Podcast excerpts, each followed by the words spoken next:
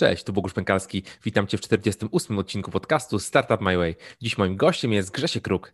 Grzesiek jest przedsiębiorcą, osobą związaną bardzo mocno z branżą UI, UX, e, z grafiką, z automatyzacją, z, z podejściem no-code, e, z takimi projektami jak e, właśnie EduWeb, Niekoduj, Systemflow i Learn UX i, i wieloma, wieloma innymi jest osobą, która naprawdę robi bardzo dużo rzeczy. Ja myślałem, że robi dużo rzeczy, ale okazuje się, że Grzesiek robi ich dużo więcej i robi to już od, od wielu, wielu lat. Sam EduWeb powstał w roku 2007, więc to już jest 14 rok tego, tego projektu, więc Grzesiek robił edukację zanim, zanim to było modne. E, jak rozmawiamy w, w, w, naszym, w naszym podcaście, e, kiedyś po prostu materiały wideo nagrywało się na płytę i sprzedawało przez Allegro.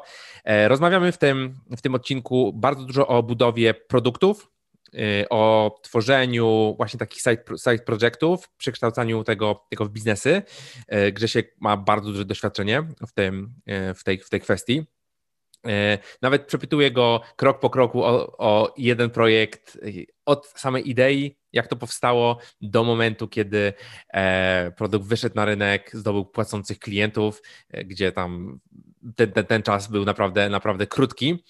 E, rozmawiamy również o no-code, podejściu no-code, podejściu low-code e, i automatyzacjach. Grzesiek jest królem automatyzacji e, i naprawdę automatyzuje wszystko, co się da i, roboty, jak je nazywa, e, pracują za niego. Dzięki temu on ma czas uruchamiać nowe pro, projekty. Ta rozmowa otworzyła mi oczy na kilka, kilka aspektów w kontekście budowy produktów, gdzie Grzesiek bardzo mocno kładzie nacisk na to, że produkt ma być po prostu genialny, tak? I że to będzie darmowy marketing twojego, e, twojego rozwiązania, jeżeli twoje rozwiązanie, rozwiązanie, twój produkt będzie naprawdę e, wgniatał w ziemię. Oczywiście trzeba o nim mówić od samego początku. No i automatyzację, tak? Jeżeli coś jest do zautomatyzowania, to po prostu to e, automatyzujmy. Jeżeli nie musimy pisać jakiejś linii kodu, tylko możemy użyć jakiegoś narzędzia, to to róbmy i to nam zwolni czas, to nam po pozwoli skupić się właśnie na, na przykład na tym user experience, które według Grześka jest najważniejszą rzeczą, jeśli chodzi o budowie, budowę nowych, nowych produktów. Że już nie przedłużając, zapraszam Was do tej fascynującej rozmowy. Przed Wami Grzesiek Kruk. Cześć Grzesiek, witam w Startup My Way. Cześć, witaj Bogusz. Powiedz mi na początku, ja oczywiście już to wiem, ale nasi słuchacze jeszcze dokładnie Ciebie nie znają, więc powiedz, kim jesteś i czym się zajmujesz. E, no to cześć wszystkim, ja nazywam się Grzegorz Róg i zajmuję się e, różnymi projektami w internecie. Jeden z takich e, dużych, które prowadzę, to jest edweb.pl, który może znacie. Tam uczymy ludzi technologii i w zasadzie prowadzę go od 14 lat prawie, ale oprócz tego mam różne jakieś swoje side projekty, tworzę sporo różnych narzędzi, E, mam e, wiele jakichś takich mini startupów, prowadzę software house, e, taki, gdzie zatrudniam kilka osób i też pracujemy dla jakichś dużych firm. Robimy różne fajne rzeczy, więc generalnie jestem człowiekiem, który operuje w internecie, w sieci, robi produkty, tworzy swoje rzeczy, ale też dużo, dużo projektów tworzę z innymi osobami, więc w ten sposób może, można mnie opisać. No okej, okay, dobra, to wiemy, wiemy już, że jesteś człowiekiem, który robi naprawdę sporo rzeczy. Nie wiem, jak znajdujesz na to czas. Może jeszcze do tego wrócimy. E, ale chciałem Cię na początku zapytać, bo jesteś mocno kojarzony e, z UI-em, UX-em, tak? Jakbyś mógł powiedzieć ogólnie, czy, czym jest UI, UX i czy, czy, czy, to jest dzisiaj w, przy budowie produktów e, temat istotny? Bo na pewno ja z perspektywy programisty wiem, że no jest, jest to często, często się siada, się koduje, się robi i tam UI, UX, no tam jakieś, jakieś głupoty. Także jak to wygląda z twojej perspektywy? Tak, e, znam to podejście e, i rzeczywiście jestem po drugiej stronie, można powiedzieć, dlatego że mimo, że też prowadzę swoje projekty, w których sam programuję i potrafię programować, jednak e, moje serce jest po stronie tej bardziej wizualnej. Głównie też dlatego, że tam osiąga się trochę szybciej efekty. Dla mnie programowanie w takiej wersji 1.0 było jednak trochę zbyt długim procesem. W związku z tym e, tak naprawdę e, od dłuższego czasu i takim moim, moim zawodowym, można powiedzieć, konikiem jest projektowanie interfejsów, ogólnie user experience i wszystkie rzeczy, które się z tym łączą. UX można nazwać wszystkimi doświadczeniami, które płyną z, z używania naszego produktu, czy naszej aplikacji, czy naszej strony internetowej. I jeśli pytasz, czy on jest ważny, to ja zaryzykuję taką tezę, że jest najważniejszy. To znaczy, można zrobić naprawdę świetny produkt i można zepsuć go tylko i wyłącznie tym, że w ogóle nie zadbamy o tą warstwę wizualną, aspekt korzystania. Mogę ci podać kilka przykładów. Znaczy, jeden jakiś zupełnie abstrakcyjny, no to pomyśl, że zrobisz jakieś niesamowicie e, odlotowe auto, które ma całą nową technologię, w ogóle silnik jest, e, jest elektryczny, wiesz, w ogóle, no wszystko po prostu Tesla killer. Mm -hmm. No i nie wsadzisz do niego kół, nie? Na przykład. No, to, to właśnie tak jest, taka jest zasada z tym UX-em.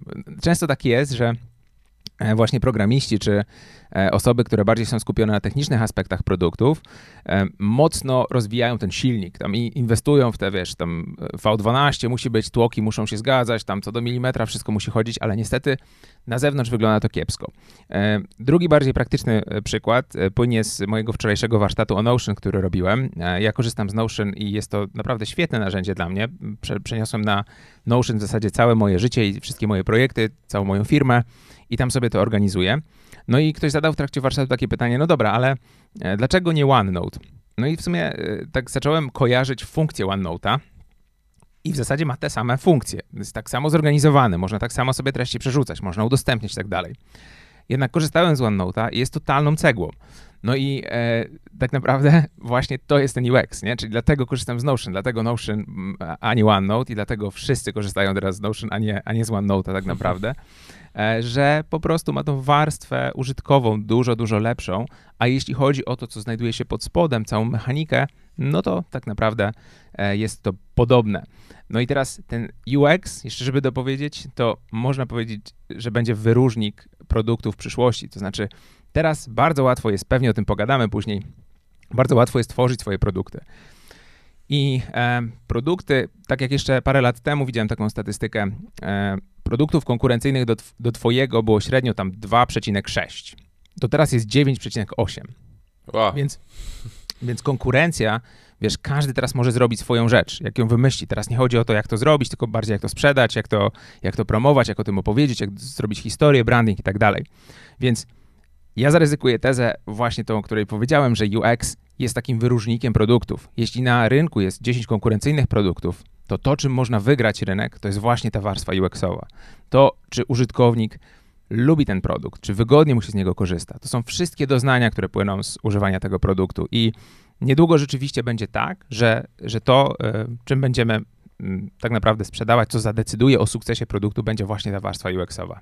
No, to bardzo, bardzo ciekawe, ciekawe, co mówisz. Ja ostatnio słuchałem takiego podcastu z founderem e, Todoista i, i on mówił o takiej ciekawej rzeczy, że każde nowe narzędzie, ono musi mieć przynajmniej jedną rzecz, która jest najlepsza e, na, na rynku, na rynku tych produktów. Tak, to nie musi być wszystko, nie? Mhm. ale jedna, jedna rzecz, nie? niech to będzie ten inbox, czy, czy notatki, tak jak w Notion, e, jedna rzecz musi być taka the best of the best, no i to the best of the best często to jest po prostu ten user experience, po prostu, to, to, o, czym, to, o, czym, to o czym mówiłeś. Mm, Dobra, okej. Okay. A powiedz mi, jak to się w ogóle wszystko zaczęło? Co robiłeś zanim zostałeś przedsiębiorcą, multiprzedsiębiorcą?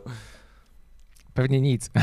to znaczy, w zasadzie odkąd pamiętam, chyba um, zajmuję się czymś swoim.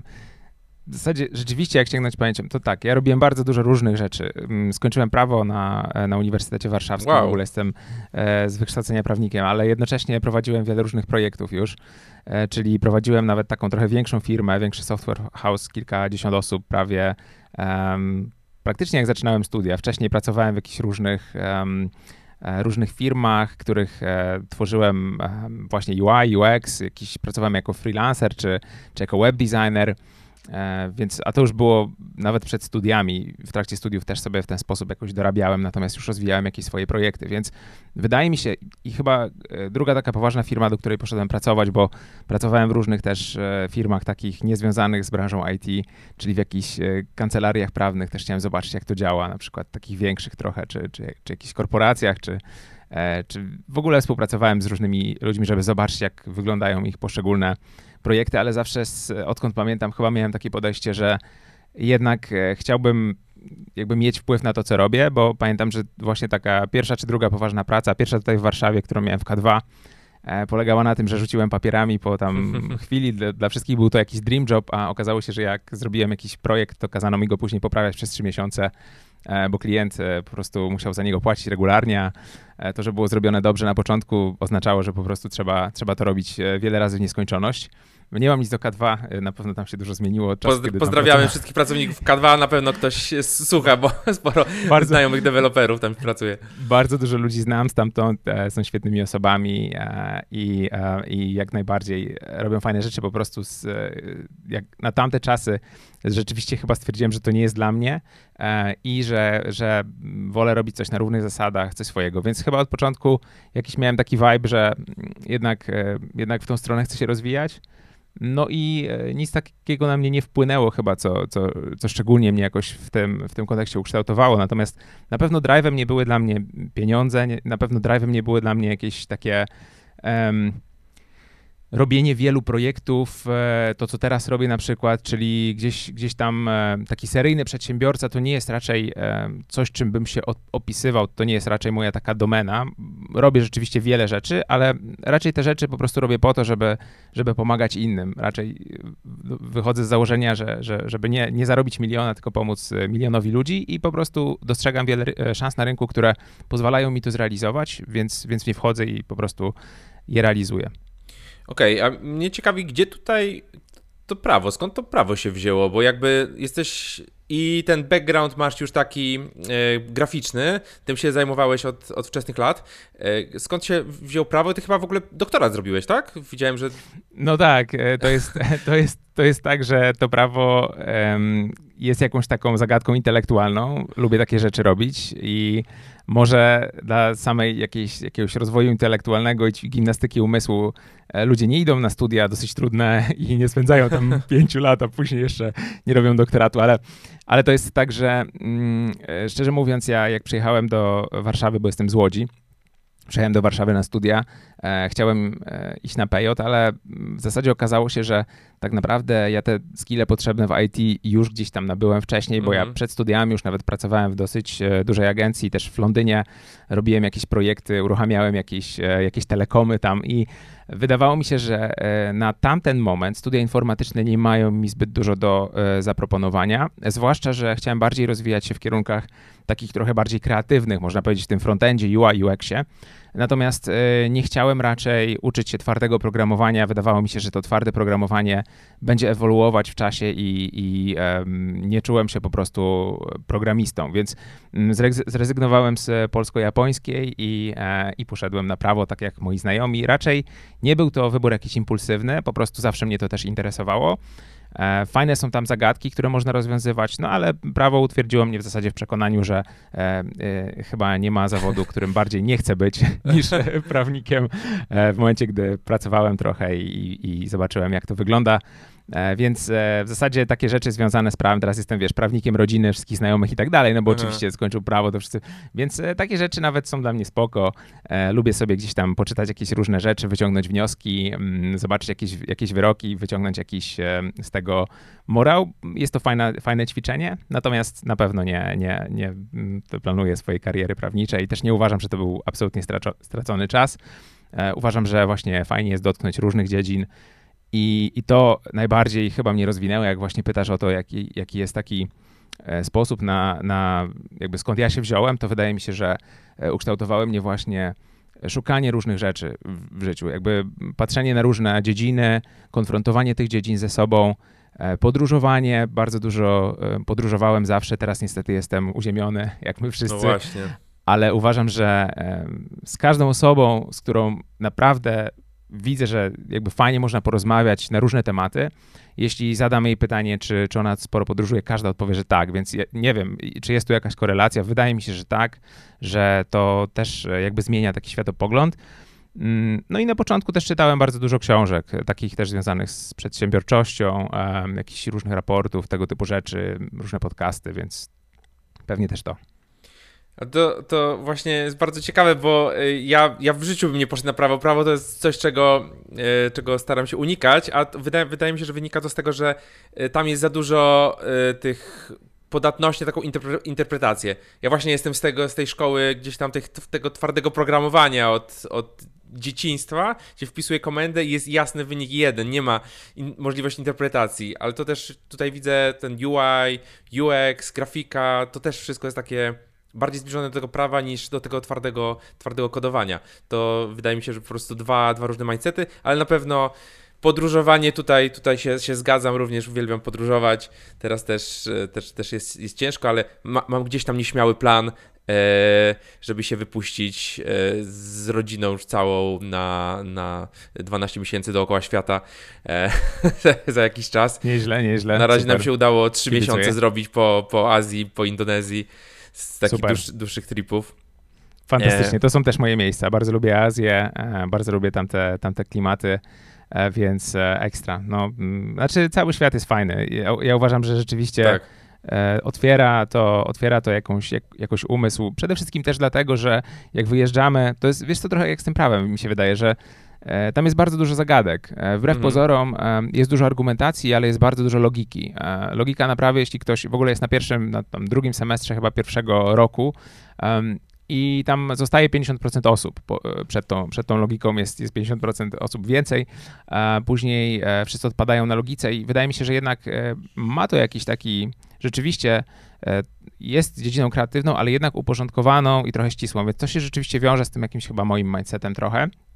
No i daje dużo zagadek, podobnie jak podróże. Jak gdzieś jedziemy, to wiesz, no nie wiem, musimy się, ciągle się challenge'ujemy, musimy rozmawiać w jakimś innym tak, języku tak. często, często musimy, mm, wiesz, jakieś sprawdzić jakieś inne znaki, poruszać się, nawet poruszanie się drugą stroną ulicy jest po prostu challenge'em dla, dla takim, takim, wiesz, e, umysłowo, no, spróbuj pojeździć w Anglii, wiesz, lewą stroną, no, ja jeździłem, kiedyś rozwoziłem pizzę w Anglii w ogóle i e, na każdym rondzie skręcałem w prawo, także... No tak, ja jeździłem na Cyprze ostatnio.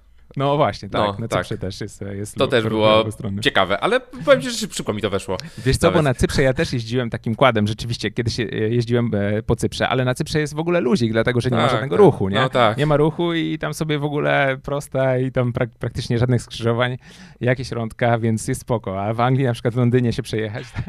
No tak, to już jest inna, inna, inna historia. E, Okej, okay, powiedz mi, w którym momencie zdecydowałeś, który to był rok, kiedy zdecydowałeś, że nie warto pracować już dla, dla kogoś, czy może nie tyle, że nie warto, że chcesz, chcesz, chcesz robić coś swojego i, i, I co to było? Od czego, od czego zacząłeś tą, że, że, Tak, że ja uważałem, że zawsze warto pracować dla kogoś i z kimś. Um, I to jestem tego zdania cały czas. E, po prostu e, wydawało mi się, tak jak spojrzałem na jakiś taki świat bardziej uporządkowany, korporacyjny na przykład, gdzie tam widziałem, że dużo czasu przepalam na różne rzeczy, to stwierdziłem, że nie chcę pracować na tych zasadach, ale często pracowałem z kimś albo dla kogoś e, po to, żeby też się od niego uczyć. Uważam, że to jest bardzo ważne. E, I natomiast zawsze jak e, podejmowałem taką pracę, to, to zawsze wydaje mi się, że jednak też dążyłem do tego, żeby z tą osobą na przykład razem coś zrobić, albo robiłem jakiś side projekt, albo wykorzystywałem to, co ta osoba robiła po to, żeby mieć jakiś launchpad do powiedzmy jakiegoś innego swojego, swojego projektu czy produktu, więc po prostu taki mindset wydaje mi się, że mi przyświecał tutaj. Fajnie. Mówię, że praca dla kogoś jest zła, absolutnie. No Uważam, no nie, że, że, to jest, że to jest świetna, że to jest świetna rzecz i trzeba tak jakby, to, to mnie bardzo dużo nauczyło, nie? To jest bardzo dużo doświadczeń, które wyniosłem od, od innych ludzi lepszych ode mnie e, we, we wszystkich jakichś aspektach biznesowych. Po prostu patrząc na to, jak, jak pracują, można bardzo dużo się nauczyć. Okej, okay. jaki, jaki to był pierwszy, pierwszy produkt, który, który zaczynałeś sprzedawać? Od czego zacząłeś? Taki mój produkt, e, w zasadzie ja od e, zawsze jestem związany z edukacją i e, EdWeb był takim pierwszym, jakby bardziej poważnym projektem, który poważny. To było rzeczywiście też robione po godzinach i po to, żeby oddać trochę społeczności to, czego się od niej nauczyłem, bo kiedyś nie było YouTube'ów, nie było, wiesz, Facebooków. Ja jestem jeszcze z tego tak, pokolenia, tak. które przed ja YouTube'em, YouTube'em robiło tutoriale, no właśnie. Mam teraz 34 lata, wtedy jak zaczynałem i zaczynałem studia, to, to wtedy jeszcze nie było, nie było YouTube'a, więc ja, wiesz, wypalałem płyty z moimi kursami, takimi wideo jakieś, które nagrywałem i sprzedawałem je na Allegro. Wow. I to chyba, był, e, to chyba był pierwszy temat. I w ogóle na Allegro, e, wiesz, wrzucałem jakiś kurs typu Flash e, albo ActionScript albo coś takiego, co nagrałem i to w ogóle na Allegro schodziło, wiesz, tysiąc e, tych kursów i tak mówię, ło matko, nie? E, tak naprawdę to był pierwszy produkt, który chyba cokolwiek się wtedy rzuciło na rynek, wydaje mi się, to, to rzeczywiście miało większe ssanie, bo po prostu nie było aż tyle tego dookoła. No i w sumie tak to się zaczęło, bo ja całe życie jestem związany jakby też z edukacją. Uważam, że jest to dawanie tej wartości poprzez edukację innym jest jedną z najlepszych rzeczy, którą możemy robić. Również dla siebie, nie tylko dla innych. To jest naprawdę świetna rzecz dla mnie, więc przez te 14 lat rozwijam tak tego EduWeba i e, z takiego projektu, który, który był jakimś moim tam side projektem, nagrywałem jakieś swoje rzeczy po godzinach. No stało się to całkiem du dużym przedsięwzięciem. No, no właśnie, kurczę, tak spojrzałem na twojego LinkedIna i tam widzę rok 2007, start, start EduWeba. No zdecydowanie można powiedzieć, że robiłeś zanim to było modne, tak? Bo teraz widzimy można ogromny tak. boom. I, i, ja, ja, sam do tej branży edukacyjnej trochę, trochę wszedłem w, bodajże dwa lata temu. Dwa lata kurczę nic, nie?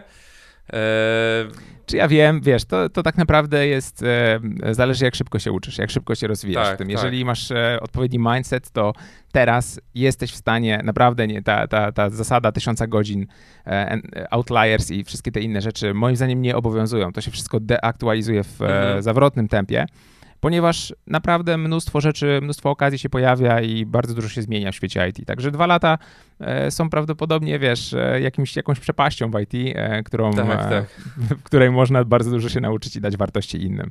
Tak. Więc jest spoko, ale tak, ja to robiłem dużo wcześniej i po prostu dalej to robię, więc mi i powiem ci, że ja będąc na tym rynku już długo, to nie jest dla mnie nowość, na przykład co się dzieje teraz. Ja obserwowałem już takie cykle, czyli, czyli taki wysyp, jak gdyby, wiesz, ludzi, którzy, którzy coś tworzą. To było na przykład na początku YouTube'a też. Um, no i mam od czasu do czasu taki, widzę, że po prostu rynek cyr cyrkuluje sobie um, i, i, są takie momenty, gdzie wszyscy do mnie dzwonią i ej, jak zrobić ten swój mm. kurs, jak, jak, jak, to działa, jak, jak w ogóle mam to ogarnąć. Więc co jakiś czas, co parę lat ludzie się po prostu porywają na to i to nie jest, e, to nie jest taki boom, wiesz, tego roku czy poprzedniego. Okej. Okay. No ja, ja w sumie można powiedzieć, że też siedzę od, od, dawna w branży, w branży edukacyjnej, tylko nigdy tego jakby nie traktowałem jako biznesu. Prowadziłem jakieś koła naukowe, czy, czy w liceum jeszcze, czy, czy na studiach. Jakiś kurs Pascala robiłem, jak się na modemie jeszcze łączyłem do... Tylko się nauczyłem czegoś i chciałem, wiesz, dalej to Super. puszczać, mhm. nie? Świetnie, no mam podobne, mam podobne, e, tak jakby czuję, to we mnie wierci tak, taką dziurę, tak, tak. Tak, tak, tak we mnie już dojrzewa jakiś temat, jak się go nauczę, że po prostu muszę, muszę go wypuścić. Mhm. E, no dobra, a jak e, potem wyglądała ta, ta droga? Czyli zacząłeś tylko EdWeba i kiedy już się odciąłeś totalnie od, od pracy jakiejś takiej etatowej? No bo za, zakładam, że już nie pracujesz na godzinie, sprzedajesz swoich godzin już od lat. W zasadzie chyba nigdy nie, nie patrzyłem na to, że sprzedaję swoje godziny. Chyba też nigdy nie było takiego momentu, gdzie, gdzie musiałbym to zrobić, czyli mm -hmm. po prostu, okay. wiesz, e, musiałbym tradować swój czas. E, wcześniej dosyć poznałem to, że, e, że tak naprawdę wolność to jest robienie moich projektów i, i na swoich zasadach, więc wydaje mi się, że to nie było takiego, mm, wiesz, momentu 0-1, gdzie ja przestałem, mówię, teraz już nie pracuję dla nikogo. Mhm. Nie, ja cały czas pracuję też dla kogoś, z kimś i szczerze mówiąc, e, e, to też jest tak, że czas, teraz mam software house, więc też jakoś liczymy godziny. Ten time and material no gdzieś tak. jest. E, natomiast rzeczywiście dla mnie to jest wtórne. To, to nie jest to, co jest najważniejsze, raczej Zależy mi na tym, żeby mm, gdzieś tam próbować rozwijać swoje produkty i chyba miałem to od zawsze, czyli gdzieś tam łączyłem po prostu tą pracę na godzinę z jakimiś side projektami, które mi dawały jakąś taką wolność i, i decyzyjność w, tych, w tym zakresie. Y, dobra, to może zrobimy szybko taką, taką listę y, tego, co, co, ty, co ty obecnie masz. Mamy, mamy tego EdWeba, który jest platformą do, y, do kursów. Tak, tak? EdWeb jest e, platformą z kursami z e, technologii, Mm, jest tam programowanie, jest tworzenie stron internetowych, jest grafika, jest fotografia, jest mnóstwo dziedzin, jest ponad tysiąc godzin materiałów. Jest bardzo fajna platforma, którą, którą tworzymy od tych 10 lat, e, czy ponad, ale, ale przez ostatnie kilka lat intensywnie pracowaliśmy nad tym, żeby zrobić zupełnie nową wersję nauki online. To jest też co mnie, coś, co mnie strasznie jara, bo um, ta nauka online jest mocno zaniedbana, słabo to działa. Ogólnie chcę z pomocą EdWeba też rozwiązać pro, problem nauki online przez technologię. Czyli ja mhm. wierzę w to, że technologia e, może zmienić to, jak e, my się uczymy w internecie, e, że może to być dużo lepsze nawet niż taka nauka w klasie od, w wielu przypadkach, natomiast po prostu nikt jeszcze nie zrobił tej dobrej wersji i tak, tak. ja mam taki, wiesz, challenge, żeby zrobić tą dobrą wersję. Wydaje mi się, że bardzo dużo już w tym temacie zrobiłem i sporo takich mechanizmów jest na EdWebie. E, no i to jest jeden projekt. E, dużo różnych side projektów, które mam. Znaczy, mam ten biznes taki e, właśnie agencyjny, konsultingowy i tam mam sporo projektów, robimy różne rzeczy. Ostatnio dla Allegro takie narzędzia. No, jakby mamy sporo dużych klientów, hmm. których na bieżąco obsługujemy. Ciekawe. Natomiast. Um, natomiast to jest coś, co pozwala mi pozostać w formie. To znaczy, yy, pozwala mi dotknąć tego UI, UX-a. Ja dużo sam projektuję wtedy. Yy, pozwala mi dotknąć kodu, bo sporo poprawiam po yy, mhm. naszych programistach, albo jak chcę coś na szybko zrobić, to, to po prostu wiesz, jakby to daje mi też te, te zagadki i pozostawanie na rynku na bieżąco i nie chcę jakby robić infoproduktów, tylko gdzie udaję, że coś umiem robić, a tego tak naprawdę nie robię. Ja to robię i praktykuję i robię sporo różnych fajnych projektów. Ostatnio głównie związanych z automatyzacjami. to jest kolejna rzecz, która można powiedzieć, że jest e, podciągnięta pod taki infoprodukt plus consulting, to jest e, zautomatyzowanie.pl i niekoduj.pl. To są dwa projekty, które, które robię teraz e, pod kątem uczenia trochę ludzi tego, jak tworzyć automatyzację, jak tworzyć strony internetowe bez kodowania. To nie jest oczywiście zaprzeczenie kodowania i to nie, jest, nie ma zastąpić programistów, natomiast jest masa rzeczy, która E, w tym momencie i masa narzędzi, które ewoluują w tą stronę, że rzeczywiście będzie bardzo łatwo można robić projekty, których tak naprawdę programiści nie powinni robić, jakieś tam, wiesz, durne landing page czy tak, tego tak, typu tak. rzeczy. Mm, to tak naprawdę można robić e, bez kodowania i właśnie niekoduj.pl i zautomatyzowani.pl ma trochę rozruszać ten, e, ten rynek i tam też tworzy się taka mini mini agencja no code, w której już też mamy sporo zleceń i które realizujemy na zasadzie takiego jobboardu. Mam hmm. też projekty zagraniczne, E, jest ich e, sporo.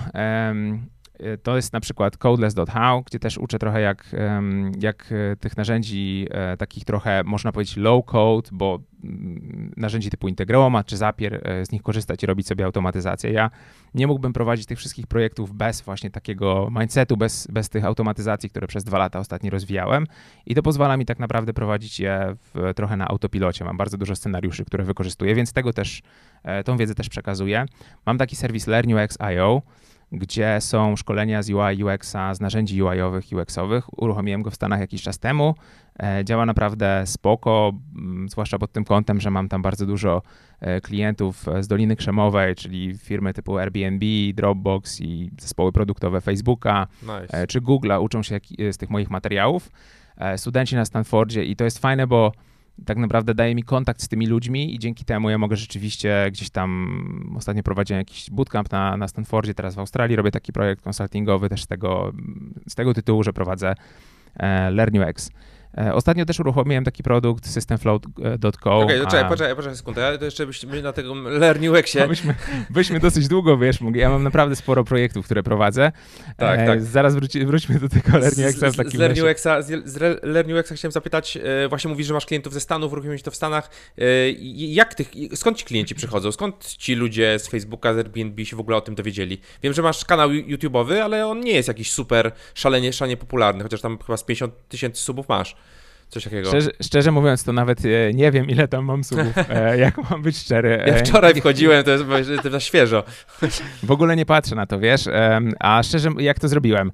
E, no wziąłem, wziąłem walizkę, zapakowałem się i poleciałem do Stanów, nie? Stwierdziłem, A. że jeżeli, jeżeli robię produkt dla tych firm, jakby wydaje mi się, że jest wartościowe, żeby te firmy z Doliny zonboardować do tego mojego produktu, po prostu tam pojechałem i się z nimi poznałem, wiesz. Poszedłem na parę konferencji, wypi wypiłem parę kaw, e, umówiłem się z e, ludźmi i tak naprawdę ten produkt też wyewoluował z, z, tego powodu, że ja z nimi rozmawiałem i, i gdzieś tam pytałem, czego, czego oni by potrzebowali. Teraz chcę zrobić taką iterację, właśnie taki dużo droższy produkt dla nich, który będzie też ich aktualizował do jakichś nowych narzędzi UI-owych i takiego nowego podejścia E, które, które będzie, które zmieni trochę frontend, zmieni trochę to, jak, jak, jak programujemy, projektujemy, więc e, no ja tam pojechałem, żeby wczuć się w ten vibe, żeby zobaczyć ten klimat, żeby zobaczyć, jak ci ludzie funkcjonują mm, i pewnie to miało jakieś znaczenie na początku, Natomiast e, głównie e, jednak był to produkt, który jest dobry, czy był dobry na tamte 3 lata temu, który, którego stworzyłem. Przez ten czas on e, w zasadzie nic przy tym nie robię, on sobie spokojnie zarabia, nawet rośnie i teraz jest czas na to, żeby go znowu zacząć odświeżać czy zrobić jakąś kolejną edycję.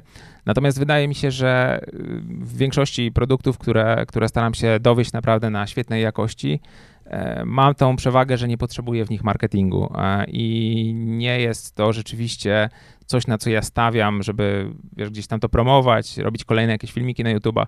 Tak naprawdę z tego co pamiętam, pierwsze 10 tysięcy subów na YouTubie na tym kanale LearnUX było z czterech filmów, czyli ja nagrałem cztery filmy e, i, i, z tego się to uzbierało, czyli one po prostu były dobrej jakości i można to zrobić. I to nie było wcale tak dawno temu, to nie jest coś, co się zaktualizowało.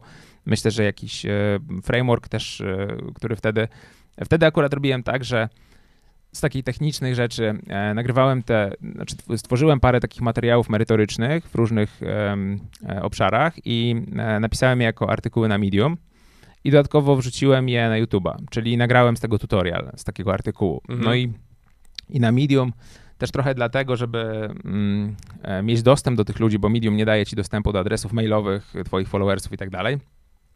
Więc trochę dlatego wrzuciłem tam w, jako embed YouTube'a po to, żeby ewentualnie mieć dostęp do tych adresów przez remarketing e, na Google Ads, gdybym chciał tych ludzi, którzy weszli w mój artykuł e, jakoś remarketingować, no to stwierdziłem, że to jest jakiś fajny pomysł na to, żeby, te, żeby tych ludzi tam zapisać im to ciasteczko, jeśli ten YouTube będzie zaembedowany w ten artykuł na Medium i oni klikną sobie play.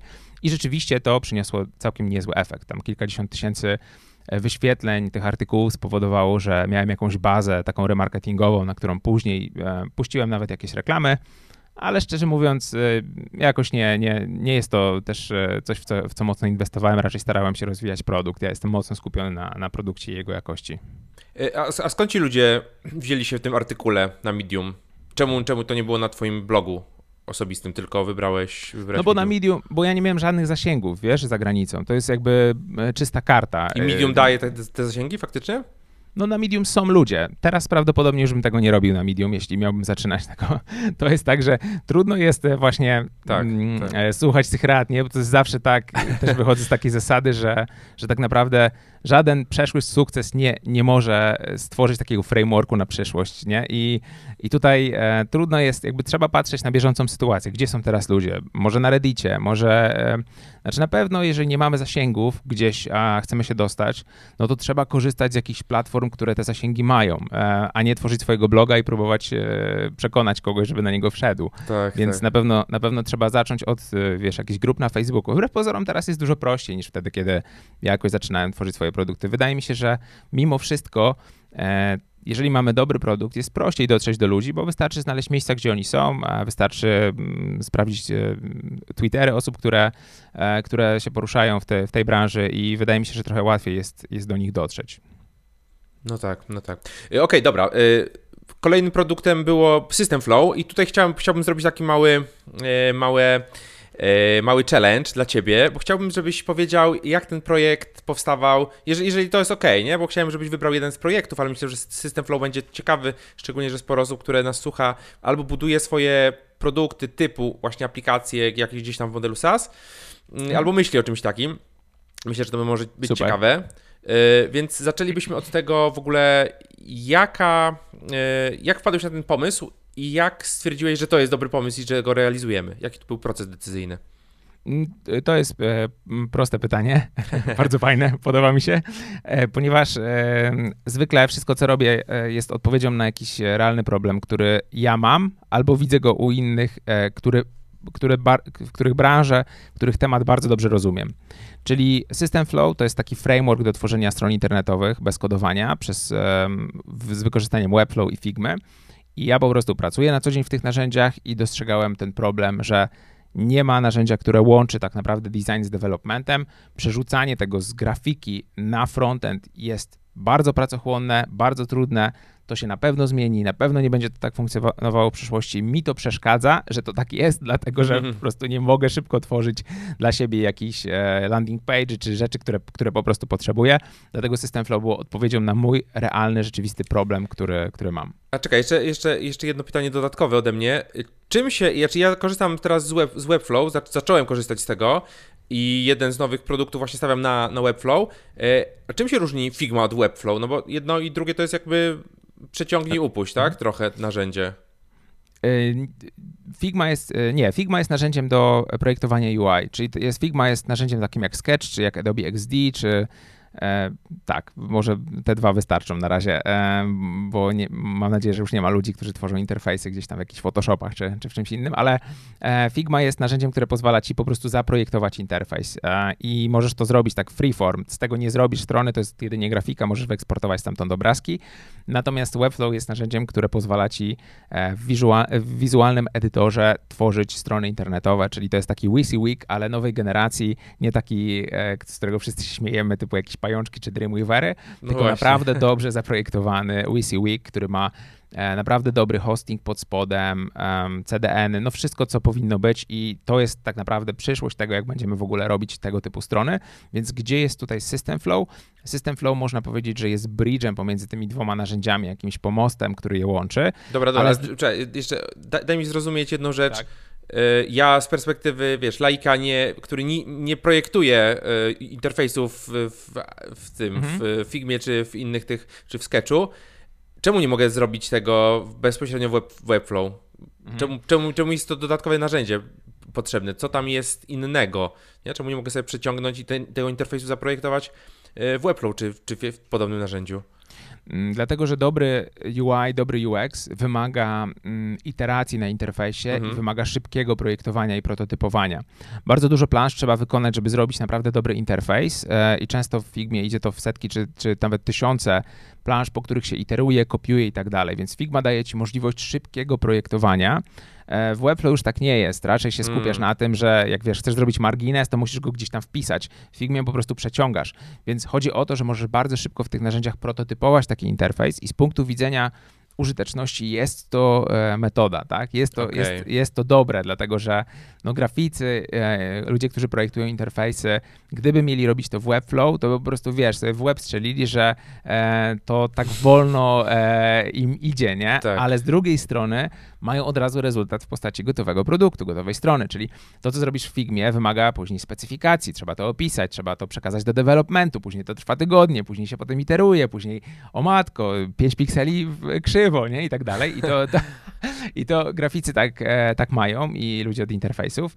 Ja ich rozumiem, bo ja te piksele też widzę, natomiast e, jeśli ktoś chce, ma takie powiedzmy podstawy UX-u, się tego nauczył, jakoś to rozumie, ale zna dobrze HTML, CSS, e, może trochę JavaScript, nie ma żadnych przeciwwskazań, żeby po prostu nie poszedł do Webflow i nie zaczął tego projektować w Webflow. A właśnie z System Flow będzie mu dużo prościej, dlatego że System Flow jest frameworkiem do Webflow, który jeśli są tutaj programiści, to kojarzą pewnie Tailwind e, UI i Tailwind e, CSS, który jest w ogóle hitem e, ostatnio i jest takim frameworkiem CSS-owym, no to System Flow jest też frameworkiem CSS-owym, robi podobne rzeczy jak Tailwind, czyli ma zestawy gotowych komponentów, masz gotowe karty, masz gotowe, wiesz, awatary, masz gotowe całe hero sekcje, masz mnóstwo gotowych komponentów, template'ów, z których możesz korzystać.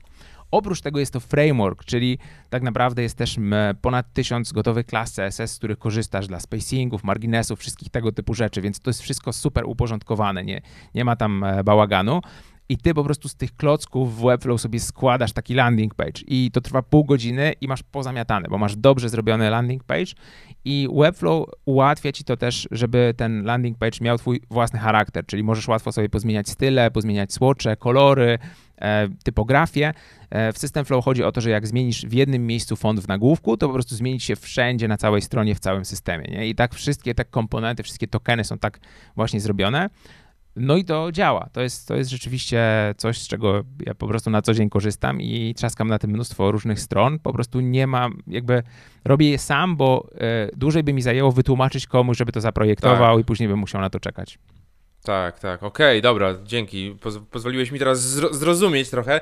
To tak jak jest, na przykład, nie wiem, przygotowujemy jakiś, e, jakiś proces, tak? I możemy to zrobić bezpośrednio w narzędziu, ale często jest tak, że po prostu my musimy najpierw na kartce ten proces rozpisać, czyli to będzie ta, ta Figma czy, czy ten sketch. Tak, jasne. E, bo tu zrobimy to super szybko, nie? A potem przenosimy mm. to do narzędzia, który, który już jest jakby pozwala Wiesz, na implementację. Ty, ty, ty, też jakby jesteś w świecie, który, który ja rozumiem, bo ja tak działam, e, w, którym, w którym po prostu, nie wiem, siadasz sobie i robisz jakąś stronkę, wyklikujesz w Webflow i po prostu klikasz i ona publish i ona jest live. Tak. Natomiast świat e, cały dookoła tak raczej nie działa. To znaczy, wiesz, w firmach są różne działy, różni ludzie, którzy są odpowiedzialni jedni za wymyślenie produktu, drudzy za, za prototypowanie produktu i to są właśnie ci na przykład jeszcze inni za zbadanie produktu, czyli UX designerzy, którzy robią jakieś badanie, jakieś laby, wiesz, trzeci za prototypy i te prototypy później się testuje, właśnie te statyczne grafiki, czy jakieś w miarę interaktywne, no i dopiero później mówimy, ok, dobra, to jest dobry produkt, to teraz e, e, zróbmy development, więc to idzie, wiesz, w tysiące godzin i w, e, i w miliony po prostu development tego typu rzeczy i,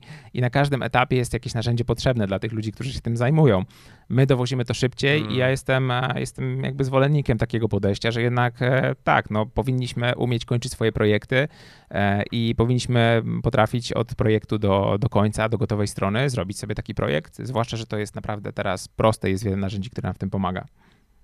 Dobra, czyli mamy tą, powstała idea, potrzebowałeś tego bridge'a do, między, między Figmą a, a Webflow. No dobra, i zdecydowałeś, że ruszasz z, z projektem, tak? Po prostu. To była taka decyzja od razu, wtedy czy akurat, to Tak, wtedy akurat się dowiedziałem, że jedna z osób, e, z którymi współpracuję, czyli Mateusz Wierzbicki, robi taki, jakby, czy, czy miał jakiś e, szkic takiego frameworku, e, też odczuwał taką potrzebę i mówię, Mat, tak naprawdę w sumie Matt chyba mi zaproponował to, żebym, żebym mu pomógł to robić i wtedy stwierdziliśmy, mhm. że ok, połączymy siły, on zajął się bardziej produktem e, na takim poziomie mikro, czyli wiesz, rzeźbienie tych wszystkich klas i tak dalej. Mhm. E, natomiast, e, natomiast ja bardziej chyba określiłem taką strategię, mm, to jak ten produkt powinien, do kogo powinien być kierowany, jak powinien wyglądać. No i oczywiście sam też ubrudziłem sobie ręce wiele razy. Teraz na przykład dorobiłem do System Flow takie live komponenty, czyli na przykład wiesz, potrzebujesz jakiś timer do, na stronę, mhm. który się odlicza do końca promocji na przykład. Tak, tak. No to w Webflow też mamy takie live komponenty, że tylko sobie wpisujesz e, timer, puch i wrzucasz go i możesz go stylować jak chcesz, on już działa, po prostu odlicza ci do jakiejś daty. E, więc e, dużo z tych komponentów sam nawet napisałem czy, czy zaprojektowałem, natomiast Matt mi mocno tutaj pomógł. No i jak to wyglądało? No tak naprawdę dwa miesiące sobie iterowaliśmy po tym, po tym produkcie. On jest naprawdę obszerny, tam są wiesz tysiące klas, setki stron, setki komponentów porobione, wszystkie są responsywne, więc jest to naprawdę dużo pracy włożone. Myślę, że, że tam po tysiąc godzin, no może, może nie tysiąc, ale, ale no, myślę, że blisko każdy z nas włożył w to, żeby żeby wyrzeźbić to e, i wtedy, tylko że robimy to sprintem, naprawdę, naprawdę robimy to szybko, e, czyli po pracy e, siadamy i, i, i robimy, po prostu jesteśmy skupieni mocno na, na efekcie, nie, wiesz, nie robimy spotkań, nie robimy jakiegoś przemyślenia, mhm. jak to ma być, tylko po prostu siadamy i rzeźbimy i robimy. Mm, no i zrobiliśmy. I jak zrobiliśmy, to już tylko zostało nam dorobić do tego jakieś opakowanie czyli e, tą stronę systemflow.co. E, moje materiały... Na Webflow pewnie. Tak, tak, jasne, na Webflow oczywiście. E, więc możecie sobie sprawdzić, wejdźcie właśnie na systemflow.co. Jest to strona zrobiona w oparciu o ten framework, czyli w ogóle zrobienie takiej stronki nam z Systemflow zajęło godzinę po prostu, nie? A ona jest naprawdę spoko, wygląda i jest, ma swój taki unikalny styl. Więc zrobienie strony, e, no i przygotowanie jakiejś takiej symbolicznej premiery, e, czyli jakby zebranie wszystkich rzeczy, które mamy e, w przygotowaniu, tak żeby je dopiąć na jakiś konkretny termin. Bardziej ta premiera jest raczej takim mm, momentem w życiu tego produktu, który jest dla nas do określeniem tego, że ok, do tego miejsca po prostu mamy zrobić te i te rzeczy, jest takim jakimś deadline'em, a tak naprawdę poza tym nie ma jakiegoś wielkiego znaczenia. Okej, okay, a jak ta premiera, jak ta premiera wyglądała? Bo wiem, że byliście na Product Huncie.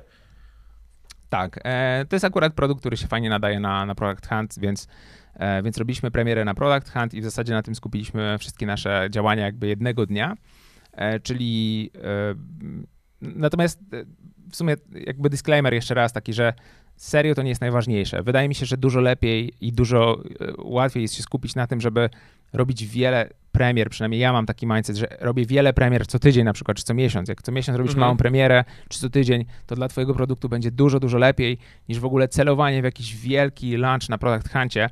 Nam okay. się akurat udało, mamy ponad 700 votów, upvotów na Product Huncie i zajęliśmy drugie miejsce e, tego dnia, więc jest to super wynik. E, natomiast e, czy za tym idzie coś takiego konkretnego, że po prostu, nie wiem, jesteśmy ustawieni na całe życie? No, mhm. Oczywiście, że nie. E, to jest e, taki hit tylko na początku. Z tego mieliśmy tam z 3000 wejść i po prostu następnego dnia to e, spadło do tam minimum. Później jeszcze Product Hunt wysłał jakieś maile, więc ok. Natomiast dla nas bardziej jest to symboliczne dopięcie wszystkiego na ostatni guzik i rzeczywiście poświęcenie jednego dnia na komunikację. Jest to moim zdaniem bardzo ważne. My jeden dzień cały poświęciliśmy na to, żeby od początku do końca zająć się tylko i wyłącznie promocją System Flow i zrobiliśmy to w 24 godziny, bo niestety Stany się budzą, jak my idziemy spać, mm. więc, więc pracowaliśmy taki hackathon, można powiedzieć, związany z, z lunchem i wtedy staraliśmy się rzeczywiście być wszędzie, czyli napisać jakieś tweety, napisać jakiś artykuł, wysłać jakieś mailingi, zapytać naszych znajomych, czy by o tym nie powiedzieli. Wcześniej już mieliśmy to gdzieś tam ustalone z, z kilkoma jakimiś influencerami, że też, że też nam pomogą promować ten produkt, ale jak mieliśmy to ustalone? No nie tak, że stalkowaliśmy ich jakoś tam, pisaliśmy do nich, hej, cześć, lubię twoją pracę, e, tylko po prostu, e, wiesz, zrobiliśmy produkt i udostępniliśmy im go wcześniej. Powiedzieliśmy, słuchaj, mamy taki i taki produkt, um, czy chcesz go sprawdzić? I ludzie powiedzieli, że tak, bo po prostu on rozwiązuje też ich problem. Więc w momencie, gdy masz taki produkt, no to jest ci dużo łatwiej i każdy influencer um, ci pomoże. I nam pomogli ludzie, którzy mają, wiesz, zasięgi milionowe tak naprawdę um, promować ten produkt. Um, jak Ran Segal, który w tej branży Webflow jest w ogóle, wiesz, guru też designu, ma nie wiem ile ma, set tysięcy ludzi na, na, na YouTubie. I po prostu on nam pomógł e, za free, bezinteresownie, dlatego że zobaczył produkt, który mm, widział w nim wartość, nie? Więc, więc to tak zadziałało i my sporo takich osób wcześniej jakby mieliśmy w procesie, pytaliśmy ich, e, co, co o tym produkcie sądzą, staraliśmy się ulepszyć ten produkt, słuchając ich opinii. E, no i to jest naturalny taki rozwój, który ci daje po prostu ten boost na początku i przy sprzyjających okolicznościach po prostu udało nam się to drugie miejsce zająć na tym Product Huncie, ale gdybyśmy byli ostatni, to tak naprawdę jakby nic to by nie zmieniło w, w, naszym mindsetie tak, po prostu. Tak. Mhm. No właśnie, to, to, to jest takie podejście trochę jak Noah Kagan kiedyś pisał, jak rozwijał tego mint.com, taki do, do finansów osobistych, gdzie przyszedł do firmy, chyba jako pracownik numer 4 i, i dostał zadanie, w 6 miesięcy masz przyprowadzić 100 tysięcy użytkowników, nie? I on napisał, na, tak, e, go for it, nie? Go for it. E, I on napisał takiego, takiego, takiego tweeta, że najlepszym marketingiem jest po prostu niesamowity produkt. E, Prawda?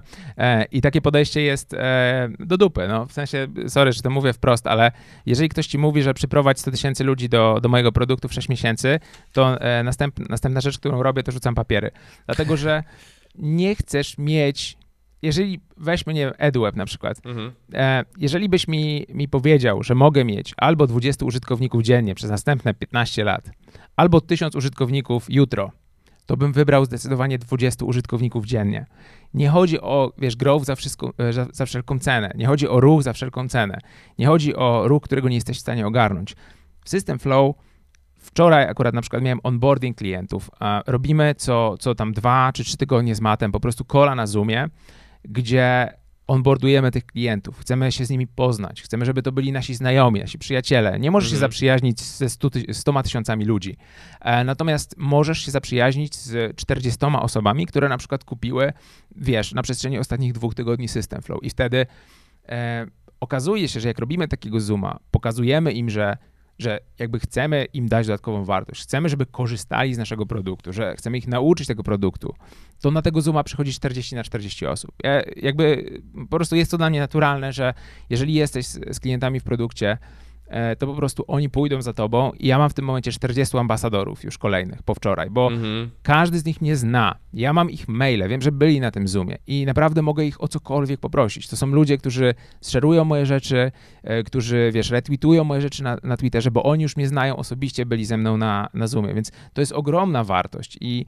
e, i takie podejście ja mam we wszystkich projektach, które tworzę. Świetny pro, produkt, ale też bycie z klientami, zwłaszcza na początku, wiesz, robienie rzeczy, które się nie skalują, to są dobre rzeczy. Tak, to, tak. To jest jakby uniwersalny, uniwersalny model na, na rozpoczęcie e, produktu. I teraz są przedsiębiorcy, którzy tego po prostu unikają. Jakby nie, nie, lubią rozmawiać z ludźmi. Jakby ludzie są dla nich jakimś takim niższym e, gatunkiem po prostu klientów, którzy, którzy mają kupować jego produkt.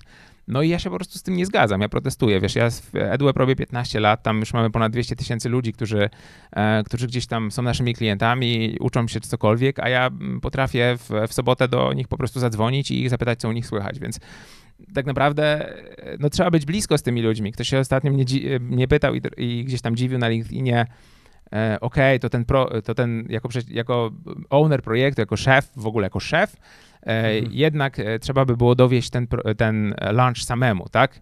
Ja mówię, wiesz, czemu nie, czemu, czemu miałby to robić twój zespół? Um, jak, jakby jasne, nie wszyscy to robią, ale chodzi o to, że nie jesteś jakimś takim guru, który tam po prostu deleguje zadania i zróbcie mi lunch produktu. To nigdy nie wyjdzie, nie? Bo e, zresztą dlaczego? Ja na przykład to uwielbiam robić, nie? I dla mnie to jest tak, jakbym wiesz, siedział na rollercoasterze i, i, i kolejka by mnie wciągnęła na samą górę i w tym momencie bym powiedział, a dobra, to wysiadam, nie? Okej. Okay. Tak. E, nie ma fanu zupełnie, nie? E, natomiast e, tu chodzi o to, żeby popłynąć z tematem i zaangażować się i wiesz, i to po prostu działa. Relacja, relacja, relacja na dobrą sprawę. Ale tutaj jedno takie moje spostrzeżenie, e, że ty, żeby zbudować tą relację, ty musisz lubić tych ludzi, nie? I jakby Oczywiście, mieć tak. z nimi punkty wspólne.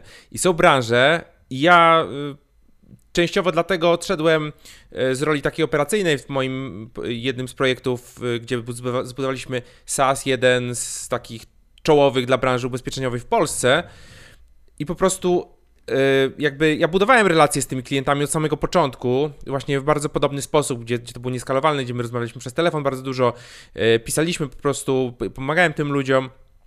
Y, I po pewnym czasie po prostu mi to tro, troszeczkę zaczęło męczyć, dlatego że ja nie miałem z nimi wspólnych punktów, tak? To nie byli ludzie, którzy słuchają mojego podcastu, czy jak mają jakiś podobny background, totalnie zupełnie inny mindset, nie? I z takimi ludźmi się często ciężko rozmawia, nie dlatego że oni, ci, oni cię nie rozumieją, ani, ani ty ich nie rozumiesz. Tak? Nie Może masz, bardziej ty ich zrozumiesz niż, niż, niż oni ciebie. 100% e, zgody, bardzo ważny punkt. E, nie rób produktów dla ludzi, którzy nie są twoimi kumplami. Ci ludzie, wszyscy, którzy, e, którzy kupują moje produkty, to są ludzie, z którymi ja jestem w stanie przybić piątkę na konferencji, wypić kawę, pogadać, pośmiać się, o to chodzi, nie? Jakby tak, miejmy tak, w życiu tak, jakiś tak. fan, kurczę, nie? To, to e, ja, ja mam, autentycznie ja się jaram, jak rozmawiam z tymi ludźmi. Wczoraj na kolu ktoś pokazuje mi e, swój projekt, ja zastanawiam się, jak można to zrobić w tym System Flow. Kurczę, nie? Jak, jakby mi to daje radość, po prostu, nie? tak jest. tak, tak, no właśnie, właśnie, to, to jest ważna lekcja, że dobieraj, dobieraj klienta często z klientami swoimi spędzisz więcej czas, niż, czasu niż ze swoim małżonkiem. No, to prawda, to prawda. No i bądź, e, i, i wtedy, tylko wtedy masz szansę być autentyczny, wiesz. To tak. inaczej każdy zauważy, wyczuje, wyczuje, że okej, okay, e, wiesz, znasz takiego sprzedawcę, nie, który po prostu stoi przy samochodzie i mówi ci, no ten samochód ma świetne, e, wiesz, tam nie wiem, kurczę, ma taki rozrząd, tak? I widzisz, że ten gość po prostu chce ci to sprzedać, nie? Tak, e, no tak. on w to nawet nie wierzy, on się tego nauczył. I teraz to jest dobitny przykład, ale nawet delikatne takie... Mm, taki vibe, że jednak ktoś jest poza tym produktem, a jednak go, go sprzedaje, jakby jest poza branżą, E, no uważam, że trochę zabija, zabija wiesz, e, taki, taką relację i, i wtedy musisz pakować kasę w marketing, musisz e, właśnie jakby czyli jakby pakowanie kasy w marketing i promowanie produktu jest to po prostu E, konieczność przekonywania ciągle ludzi o tym, że, że twój produkt jest dobry. Jak zrobisz dobry produkt, no to on naprawdę małym nakładem sił, oczywiście nie zerowym, dlatego że teraz w, jesteśmy w czasach nie, że się e, płytę wypala i na Allegro wrzuca tak, i, tak. i, jazda, i jolo, e, tylko jesteśmy w czasach, gdzie rzeczywiście trzeba ludziom pomóc tą decyzję zakupową podjąć. Trzeba pomóc im w tym natłoku informacji znaleźć nasz produkt. Ale mm, jak już to zrobimy, to okej, okay, róbmy to zgodnie ze swoim sumieniem, róbmy to, róbmy to jakby tak, żeby, żeby się tego nie wstydzić e, i wszystko będzie ok. No i to, co ty podkreślasz, że yy, ta edukacja na temat twojego produktu jest często ważniejsza niż yy, pchanie tych ludzi y, do, do, do, produktu, bo oni muszą zrozumieć, muszą mieć ten aha moment, tak? Czyli te explainer videos, to widać nawet jak się wejdzie na, na stronę System Flow, że, że tam tego jest od groma. Nie? Że... To jest całe university, jest, wiesz, my, które, które e, my robimy. Ja tam e, nagrywam mnóstwo materiałów i teraz właśnie e, z jednej strony dlatego, że System Flow jest produktem, który ma jakiś learning curve, że trzeba się tego nauczyć, mhm. ale tak naprawdę jakby moim zdaniem w tym momencie, w którym, w którym ja jestem, odpalam sobie różne projekty i tak dalej, największy potencjał dla mnie i to, co ja chcę robić, są to narzędzia wspierane edukacją. Znowu, to jest taki approach, który mało kto ma, czyli albo ktoś stawia, że zrobi swojego SASa i po prostu, wiesz, SAS i y, dopracowuje funkcje i tak dalej. Y, ja stawiam na to, żeby to połączyć z edukacją, czyli mm, jednak nauczyć ludzi, dlaczego to narzędzie powstało, dlaczego im się może przydać i, i to jest dla mnie w tym momencie najlepszy framework na produkty. E, czyli Teraz na przykład robię e, też taki, taki, taki, taki zestaw produktów na razie na polski rynek e, pod domeną easytools.pl, która mhm. będzie, na, którym, na której będzie zestaw narzędzi dla przedsiębiorców. Jeszcze na razie tam niewiele jest, zaraz będzie zapis na listę. Natomiast e, zestaw narzędzi dla takich e, przedsiębiorców, e, twórców może, gdzie na przykład mamy hostowany koszyk, który pozwala sprzedawać produkty, mhm. na przykład przez Webflow, wiesz, i tego typu jakieś drobne narzędzia. I teraz widzę w tym, widzę w tym potencjał, żeby zrobić właśnie coś takiego, gdzie zarabiamy na narzędziach, ale do tego będzie równie mocna edukacja po to, żeby wytłumaczyć, dlaczego ten koszyk jest lepszy, dlaczego akurat z niego korzystać jak sobie pospinać różne automatyzacje, wiesz, w zapierze, czy tam integromacie, czy jakkolwiek, żeby ten koszyk ci obsłużył na przykład udostępnianie produktów później i tak dalej. Więc jeżeli połączysz te dwa, te dwa skille, to tak naprawdę moim zdaniem na ten moment wygrywasz e, rzeczywiście rynek, bo ten UX twojego produktu jest znowu dużo, dużo lepszy, jeżeli ty potrafisz uzasadnić i dać ludziom taki fajny onboarding w postaci jakichś wideo, czy, czy, czy szkoleń, czy dobrej dokumentacji. Zastanawia mnie jedna, jedna rzecz. Często przedsiębiorcy mówią o tym, że trzeba się skupić na jednej rzeczy, nie? A ty totalnie się rozpraszasz i jeszcze więcej dokładasz rzeczy i jeszcze, jeszcze i pewnie jeszcze w głowie masz ze 100, 100 kolejnych, na które po prostu nie masz czasu. Jakie jest twoje podejście do tego laser focus kontra Mm. Robimy myślę, że, rzeczy. E, jakiś myślę, że moment w moim rozwoju po prostu teraz. Mhm. To znaczy, e, to jest, e, ja bardzo długo rozwijałem tylko EduWeba, nie? Jakby miałem super fokus na to. Teraz jestem w takim etapie, gdzie widzę, że moje możliwości pozwalają mi, wiesz, jakby jakieś doświadczenie, które zebrałem przez te lata i tak dalej, pozwala mi widzieć różne szanse na rynku i jestem w takim momencie, że jara mnie wykorzystywanie tej wiedzy do tego, że mam taki framework zbudowany, jak uruchamiać te produkty. Widzę mhm. różne potrzeby gdzieś tam i po prostu wskakuję do tego pociągu. Czyli mm, w zasadzie dużo z tych rzeczy robię sam, albo z jakimś co-founderem, albo z, ale wspomagam się jakimś zespołem, który mam i po prostu jest mi w stanie podowozić jakieś różne rzeczy po drodze.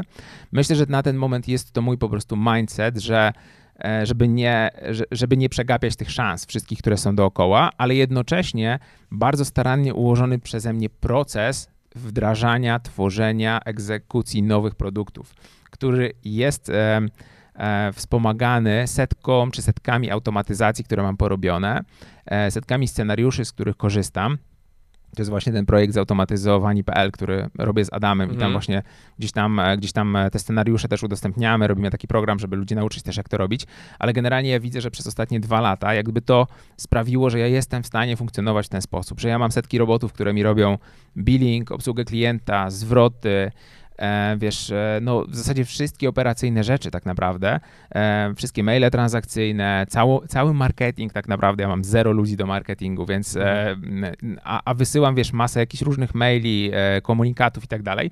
I to wszystko, tym wszystkim tak naprawdę zajmują się roboty, zajmują się automatyzacją, jakieś krony, które mam. I to tak naprawdę mi też umożliwiło ten taki wiesz, to robienie wielu produ tak, tak. produktów, projektów teraz naraz, ale e, może zaraz będę gdzieś indziej, może zaraz e, skupię się po prostu na jednym, zobaczę, że któryś z tych produktów ma taki, wiesz, hockey stick growth, że tak, tak. naprawdę warto w to wejść i po prostu posiedzieć 2, 3, 4 lata, żeby zrobić z tego e, naprawdę coś, coś bardzo, bardzo dużego i możliwe, że tak zrobię. Natomiast nie chcę tracić szans, i jest taka fajna książka, którą być może pewnie czytali twoi słuchacze. Mhm. Rand Fishkin, czyli twórca MOS, napisał um, napisał taką książkę Lost and Founder e, i, i bardzo fajna, polecam ją przeczytać, zwłaszcza właśnie jeśli się chce taki mindset gdzieś tam złapać. Druga taka książka to jest um, Company of One e, Paula Jarvisa. E, tak. I to jest taki mo takie moje nastawienie. I na przykład Rand Fishkin tam pisze, że no, miał taki etap, że chciał mieć największe biuro w największym szklanym budynku w, z największą ilością ludzi. I ja przeszedłem przez taki etap też. Ja, ja gdzieś tam po prostu też miałem możliwość zrobić firmę, która zatrudnia setki ludzi i po prostu ma te wszystkie, te wszystkie rzeczy takie ekstra. I, i E, I wtedy zacząłem się zastanawiać, jakby gdzie jest moja rola tam, gdzie, z czego ja czerpię fan. Ja czerpię fan zupełnie z innej pracy niż zarządzanie ludźmi, z pracy produkt, produktowej. Jestem takim pro, pro, produktowym chłopakiem. On, mhm. on pisał o tym, że, że tak naprawdę jak już to wszystko miał, to powiedział, że w ogóle bez sensu, nie? że, że okej, okay, dobra. Czyli to jest to, że trawa jest zawsze e, bardziej zielona tam, gdzie nas nie ma tak. nie? I, i zawsze chcemy tam być, a to tak naprawdę nie o to chodzi. No i ja jestem na takim etapie w moim rozwoju, że robię te różne projekty. Bardzo możliwe, że zaraz, e, wiesz, nie robię nic na przykład z VC, bardzo możliwe, że zaraz w ogóle będę chciał też tego spróbować i, mhm. i to mhm. się zmieni i będę robił jakiś jeden projekt. Trudno no powiedzieć. tak, to są takie, to, takie cykle y, diverge i converge, tak? Y, tego roz, rozszerzenia i potem fokusu, rozszerzenia fokusu. Są takie, takie naturalne cykle. E, chciałem jeszcze pogadać chwilę o o całym tym no-codzie, który jest teraz tak wypłynął w, ostatnich, w ostatnim czasie, tak mi się wydaje, że bardzo się to popularne zrobiło, przynajmniej w tej, tej naszej bańce tutaj, mm. bo mhm. oczywiście ludzie z zewnątrz to zupełnie nie mają pojęcia, o czym my, my gadamy, tak też to tak. zauważyłem, e, że, że jednak żyjemy tak. w, tych, w, tych, w tych bańkach. Mhm. E, I jak bardzo niedoceniany jest ten, ten no-code? E, bo ty jesteś wielkim zwolennikiem tej automatyzacji, właśnie budowania wszystkiego, co się da. E, jeżeli nie musimy siedzieć i kodować, to, to, to tego nie róbmy, tak? Zróbmy coś innego, co, co, co będzie bardziej produktywne i dostarczy większą wartość dla, dla naszego mhm. klienta, powiedzmy tak. Jak bardzo to jest, to jest niedoceniane i E, jak, jak, jak to w ogóle w Polsce wygląda z Twojej perspektywy? Mm, no w Polsce, w Polsce temat bardzo raczkuje. Mm. Wydaje mi się, że ja jestem takim e, e, proponentem tego, tego podejścia w zasadzie do pracy, które, które gdzieś tam staram się przebijać. Jakieś zasięgi mam, jakąś siłę mam. E, dołączył do mnie też Adam Gospodarczyk, razem e, próbujemy gdzieś tam ewangelizować te, e, te rzeczy. Właśnie mm, teraz odpalam kolejny, kolejny etap, kolejny program niekoduj.pl, który E, no właśnie zaraz was zaproszę do tego, żeby, żebyście sprawdzili, bo, bo będę tam e, miał taki tydzień, gdzie będę budował. E, w, w, przyszłym tygodniu będę budował całą taką stronę bez kodowania na live'ach, czyli w zasadzie um, ludzie mnie challenge'owali, żeby czego się nie da zrobić, co się da zrobić z pomocą tego no-codu i zawsze mówiłem, że no, takiego edweba to się nie da zrobić pewnie, nie? To, to jest, ja, jest jakiś limit tej technologii. No i tak sobie pomyślałem, dobra, no to jak ja ciągle tak mówię, że tego edweba się nie da zrobić, to go zrobię i e, będę mhm. próbował to zrobić na live'ach e, właśnie gdzieś tam na Facebooku czy, czy na Twitchu, to, e, to właśnie jest właśnie przykład na to, jak ten no-code ewoluuje, że zawsze mówiłem, że się nie da, a teraz już sobie myślę, kurczę, ale w sumie to można wykorzystać, to można wykorzystać. I teraz, gdzie, czym w ogóle to jest? E, w ogóle po pierwsze jest to zły, zły złe sformułowanie, bo e, jest takie negatywne dosyć mocno, że to jest tak, no. niekodowane, że to jest to, że to jest to no. Ja nie lubię za bardzo tego sformułowania, dlatego że to nie jest niekodowanie, to jest kodowanie, ale na skróty. Największy, e, też miałem taki podcast w Indie Hackers, byłem gościem, e, tam, tam Cortland właśnie mówił o tym, że rzeczywiście największy potencjał tego no-code to jest e, wtedy, kiedy ty potrafisz programować, albo przynajmniej się orientujesz i potrafisz iść na skróty e, tymi mm. E, w ten sposób, że wykorzystujesz te różne narzędzia. Czyli tak naprawdę bardzo duży potencjał ma na przykład low code, który jest mocno niedoceniany, a ten no code to trzeba traktować tak, że rzeczywiście to nie, to nie jest coś, co jest oderwane od programowania. Tak naprawdę pod spodem powstaje kod i jeśli jesteś w stanie go zrozumieć, no to dopiero wtedy możesz tworzyć naprawdę magiczne rzeczy.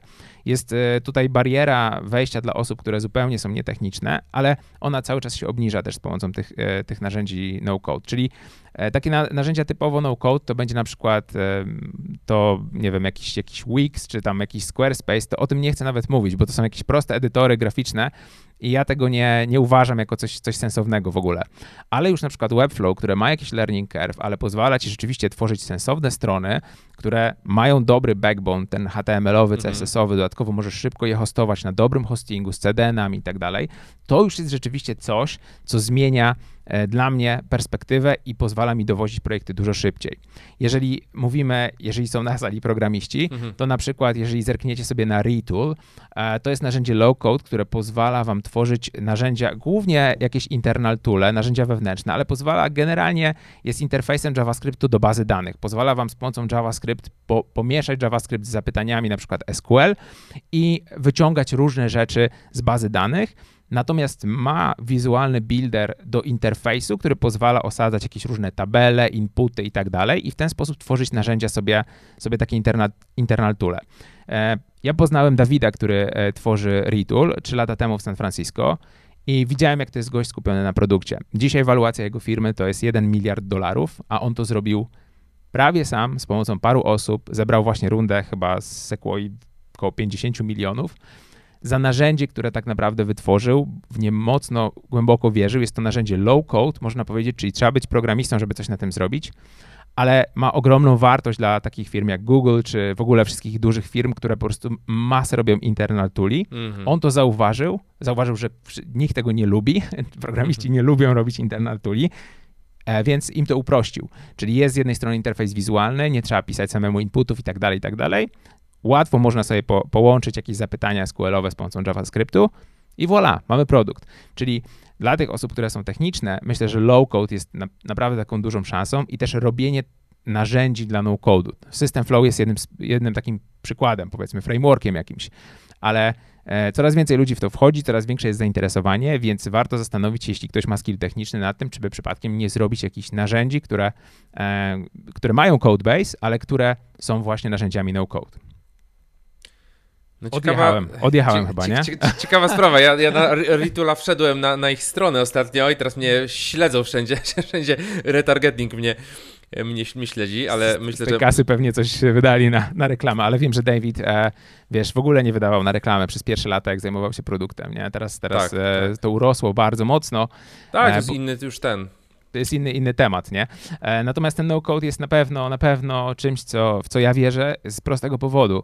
E, to generuje, to pozwala mi tworzyć mnóstwo projektów i to generuje po prostu ogromne zyski dla moich biznesów i ogromne oszczędności dla moich, dla moich biznesów. To idzie w setki tysięcy złotych pewnie, e, często miesięcznie, że ja mogę sobie wykorzystać te automatyzacje i te wszystkie rzeczy, które, które z, tymi, z tymi automatyzacjami się wiążą. E, no, tak jak mówisz, że w przyszłym tygodniu e, właśnie tam od, od, od 18 będziesz pokazywał, jak, jak robić ten serwis, jak robić ten serwis e, z pomocą tych, tych narzędzi, to my z kolei też trochę idziemy w, te, w ten, w ten, w, to, w ten kierunek no-code, low-code, tylko z perspektywy sztucznej inteligencji, gdzie jeszcze się dodaje tematy związane właśnie, właśnie z AI-em i też w poniedziałek 18 będziemy pokazywać na live'ie, jak zbudować taki serwis, e, który mhm. właśnie zbudował, zbudował Przemek Chojecki, z którym, z którym to robię. E, I ten serwis, on, on polega na tym, że on zrobił tysiąc wywiadów z przedsiębiorcami mhm. w, trzy, w trzy miesiące, nie? I to polegało na tym, że były jakieś kryteria, mhm. wejść takich founderów z, crunch, z Crunchbase'a, potem skontaktuj się z nimi albo znajdź maila odpowiedniego, wyślij maila mhm. z pytaniami, potem odbierz, odbierz wyniki, zrób z tego artykuł, tak? Okay. Tutaj wchodzi, wiesz, jakieś rozpoznawanie tekstu i tak dalej, nie? I mhm. opublikuj na serwisie, nie? To w 90% było zautomatyzowane, plus Super. tam ten, ten mhm. komponent tych, te, tego AI-a, czyli nawet, yy, nawet myślę, że nasze, nasze dwa, dwa podejścia mogą być ciekawe w, w połączeniu. Super, no AI na pewno jest, y, jest e, świetnym tematem, który się wiąże też z no-codem i z low-codem. Tak. Na, na pewno to jest właśnie ten... Um, to, co się zmieni w branży, to jest to, że nie będziemy pisać tych linii kodu, nie będziemy sami tego wymyślać, coś będzie to robiło za nas, więc trzeba się teraz przygotować na to, jakie umiejętności ja muszę posiadać, skoro w przyszłości już będzie to robione za mnie. Już teraz, wiesz, e, jest, e, kurczę, nie pamiętam nazwa, na Product co chwilę coś jest, a ostatnio była stronka, która generuje ci landing page, ty wpisujesz, e, wiesz, parę linii tekstu, a to tak. ci generuje marketingowy landing page z pomocą AI i jakichś tam modeli wytrenowanych i to, i to jest, nie działa. I teraz, tak, tak. I teraz zobaczcie, nas to wszystko zaleje, nie? E, w ogóle Przemek super, e, znam go, robi świetne, świetne projekty, Content Eyes, też trzymam za niego kciuki. E, myślę, że to, to jest fajny pomysł. Natomiast wydaje mi się też, że w takim ekosystemie my jeszcze bardziej będziemy musieli być elastyczni, mm-hmm. bo zaraz ten współczynnik konkurencji, o którym mówiłem, z 10 wzrośnie do 100 albo do 1000, bo ludzie przyjdą i chodzi o to, że z pomocą no-code, AI, low-code tak naprawdę nie ma już tego pytania, jak to zrobić. Kończy się pytanie, jak to zrobić. Wszyscy będą potrafili to zrobić. Teraz mm. pytanie jest, jak o tym opowiedzieć, żeby kogokolwiek to interesowało. tak? I, i to tak, właśnie, tak, i to właśnie tak. jest ten shift tego mindsetu. I super, super właśnie przykład e, dałeś Przemka, jak, jak on wykminił, jak można, jak można zebrać te wywiady. Dodatkowo tak, jeszcze tak. ułożył pewnie sprytny jakiś taki mail flow, który tam e, tych ludzi, e, tych ludzi tak. na, nakłaniam do, do odpowiedzi na te pytania. Zrobił to raz i zmultiplikował na wszystkich, na których chciał. To jest właśnie moje podejście rzeczywiście też do tego, jak te automatyzacje powinny działać i, i ja tymi automatyzacjami, wiesz, od automatyzacji do AI to tak naprawdę jest już jest cieniutka granica. To jest e, wręcz dużo ludzi teraz mówi AI, a tak, tak naprawdę mają na myśli te, te automatyzacje. Tak, tak, to trochę, trochę, trochę tak jest. My też teraz budujemy, budujemy nowy produkt Achieve, Achieve Guru, przy czym y, tam y, Oczywiście programujemy go normalnie, tak? W tym, w tym klasycznym rozumieniu tego słowa, aczkolwiek wszystko, co nie jest internalowe u nas, takie wyjątkowe, yy, chcemy delegować, nie? Typu maile transakcyjne, to jest wszystko wydelegowane tam do postmarka.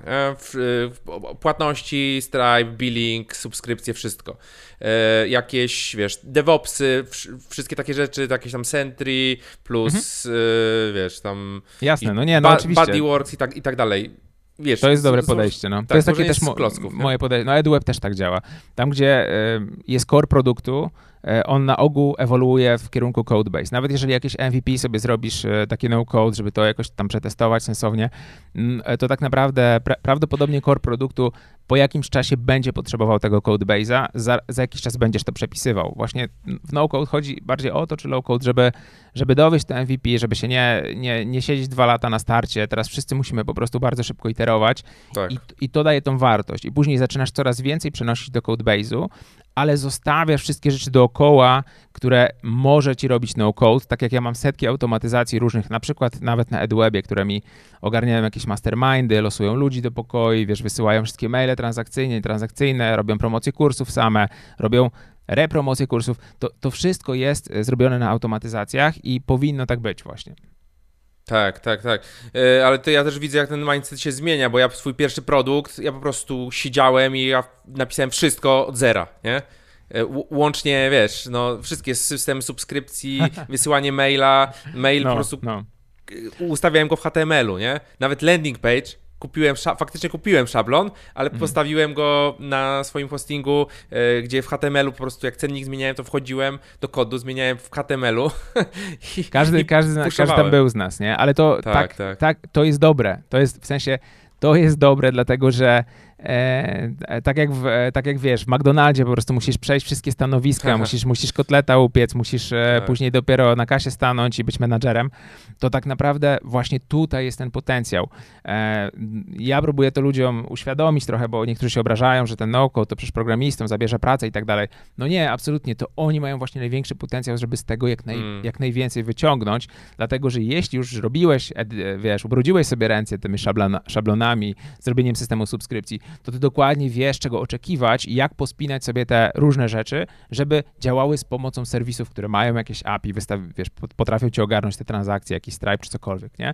Więc e, to jest dobre, masz dużo większy potencjał do tego, żeby robić więcej rzeczy właśnie w ten, ten szybki, sensowny sposób.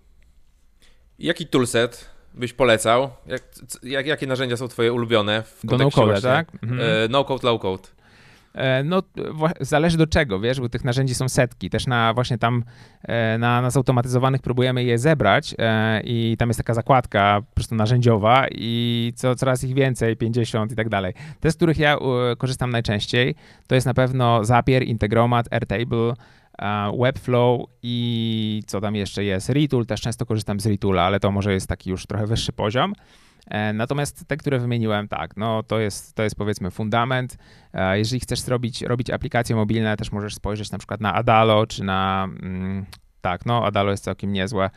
Um, co tam jeszcze jest ciekawego? No co chwilę w zasadzie też się pojawia jakieś takie narzędzie, które tutaj to chodzi o to, że w tych automatyzacjach jest rzeczywiście dużo małych narzędzi, które są dobre w jednej rzeczy i trzeba właśnie w ten sposób z nich korzystać. E, maile, mm, korzystam na ogół z SendGrida do maili transakcyjnych i marketingowych też tak naprawdę co tam, korzystam, no korzystam z GetResponse'a też, e, które po prostu dlatego, że ma dobre API, ale to tam jeszcze narzekam na dużo rzeczy i, i czekam na narzędzie takie, które będzie dobre do maili, rzeczywiście z bardzo dobrym API, takim jak SendGrid, ale jeszcze dodatkowo SendGrid z kolei dobrze nie robi list i zarządzania tymi listami, mm. E, więc tutaj tego trochę na rynku jeszcze brakuje. No wielu rzeczy też brakuje na rynku, dlatego myślę, że jest duża przestrzeń do robienia tych narzędzi no, e, no code też, nie? Jakby tutaj jest... No właśnie, to było, to było moje kolejne pytanie, które chciałem zadać, czyli czy widzisz potencjał biznesowy na nowe narzędzia, e, właśnie gdzieś tam te związane z integracjami, czy, czy z, z jakimś no-codem, low-codem?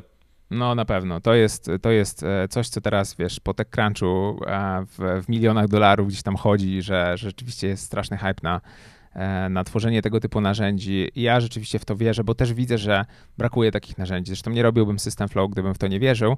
E, I e, uważam, że takie narzędzia, które są tworzone w tym takim podejściu API first, wiesz, ogólnie mhm. najpierw jest robione narzędzie jakby um, no, no właśnie pod, pod kątem a, jego API, a dopiero później jest jakiś interfejs. Ja, ja wiesz, po prostu unikam automatyzacji czy no-code. Polega to na tym, żeby w ogóle nie chodzić po tych interfejsach. Ja nigdy nie jestem w tym interfejsie GetResponse, nie klikam tam jakichś durnych rzeczy, um, nie, nie wiesz, nie chodzę w, po interfejsie SendGrida. No właśnie szukam tych narzędzi, które mają API i tych narzędzi jeszcze du, wielu, wielu brakuje, mm, więc e, tutaj jest e, niezaspokojony potencjał, który na mhm. pewno można by było wykorzystać. Jeżeli ktoś ma zajawkę na, na tworzenie tego typu narzędzi, to wszystko będzie miało zaraz API, nie? W sumie, także to jest, to jest ta, ten kierunek.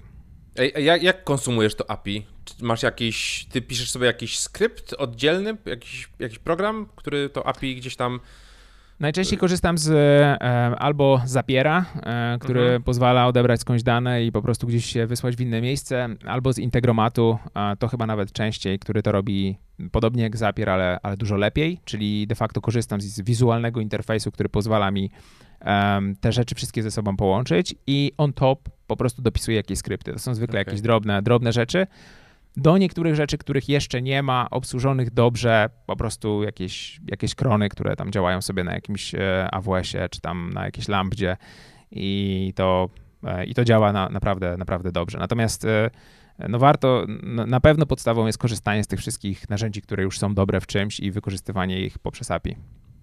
Wyobraź sobie, że ja do dzisiaj ani razu nie skorzystałem z jakiegoś zapiera, ani integromatu. Jak to możliwe? No to właśnie Po prostu mindset... cieszę się, cieszę się, wiesz, no jestem szczęśliwy z tego powodu, że masz to przed sobą, bo będziesz miał, będziesz miał mega fan.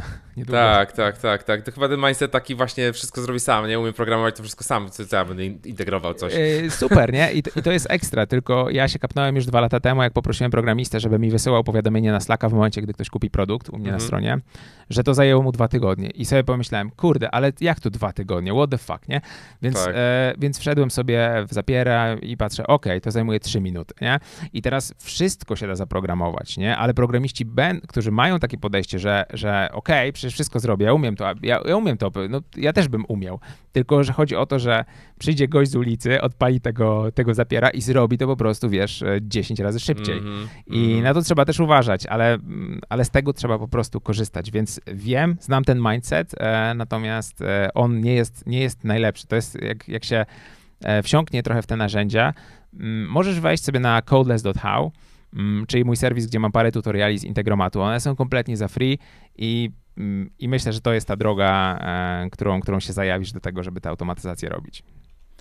Ja jeszcze mam takie pytanie, yy, którego wcześniej nie zadałem, bo dużo rozmawiamy o edukacji, o tym, o tym jak, jak tą edukację robić. Ty tą edukację robisz fajnie, na pewno bardzo jakościowo, bardzo, bardzo merytorycznie. E, powiedz mi, jak się przygotowujesz do takiego materiału? W sensie, chcesz nagrać nowy, no, jakieś nowe wideo, nie? Mhm. I jak się przy, przygotowujesz do tego materiału i jak, jak, jak je nagrywasz? E, no Żeby ja, była ta wartość tak, właśnie. Dużo, dużo takich treści tworzę rzeczywiście. Mam jakiś framework i prawdopodobnie w tym, w tym zakresie to byśmy musieli jakiś osobny podcast nagrać, e, jak do tego w ogóle podejść, jak, jak to robić. Ja mam to wszystko już ogarnięte na, na wiesz, skrótach klawiaturowych, w tym sensie, że w moim mózgu jest bardzo dużo skrótów i ja nie mam dużego frameworku do tego, żeby nagrywać. Ja, ja po prostu biorę i nagrywam i wychodzi to całkiem dobrze. Ale z drugiej strony pracuję z, z setką osób, która mm, dopiero zaczyna to robić i dla nich mam cały taki framework, mamy cały taki e-book na EduWebie, który ich uczy trochę tego, jak w ogóle podejść do tematu, jak się zorganizować. E, na Notion często ustawiamy sobie sporo jakichś takich gotowych szablonów, z których się korzysta, jakieś punkty, które, e, które warto by było przejść. Więc jest to taki dosyć, e, dosyć długi i złożony proces, żeby dowieść naprawdę wartość konkretną w nagraniu. No i ja osobiście, dla mnie osobiście jest on trochę inny niż dla ludzi, którzy, którzy zaczynają, bo ja po prostu robię to na co dzień. Więc tutaj mój proces nie jest prawdopodobnie wy, wytycz, takim mhm. drogowskazem, tak. ale znam ten proces, ten, też ten podstawowy, tylko jego omówienie prawdopodobnie zajęłoby bardzo dużo czasu. Czy są jakieś takie power tipy, które mógłbym dać po prostu w Nie wiem, minuty? notatki robisz na przykład przed tym, przemyśle, myślisz na... o tym filmie, spisujesz najważniejsze punkty, jak, jak, jak to tak w skrócie.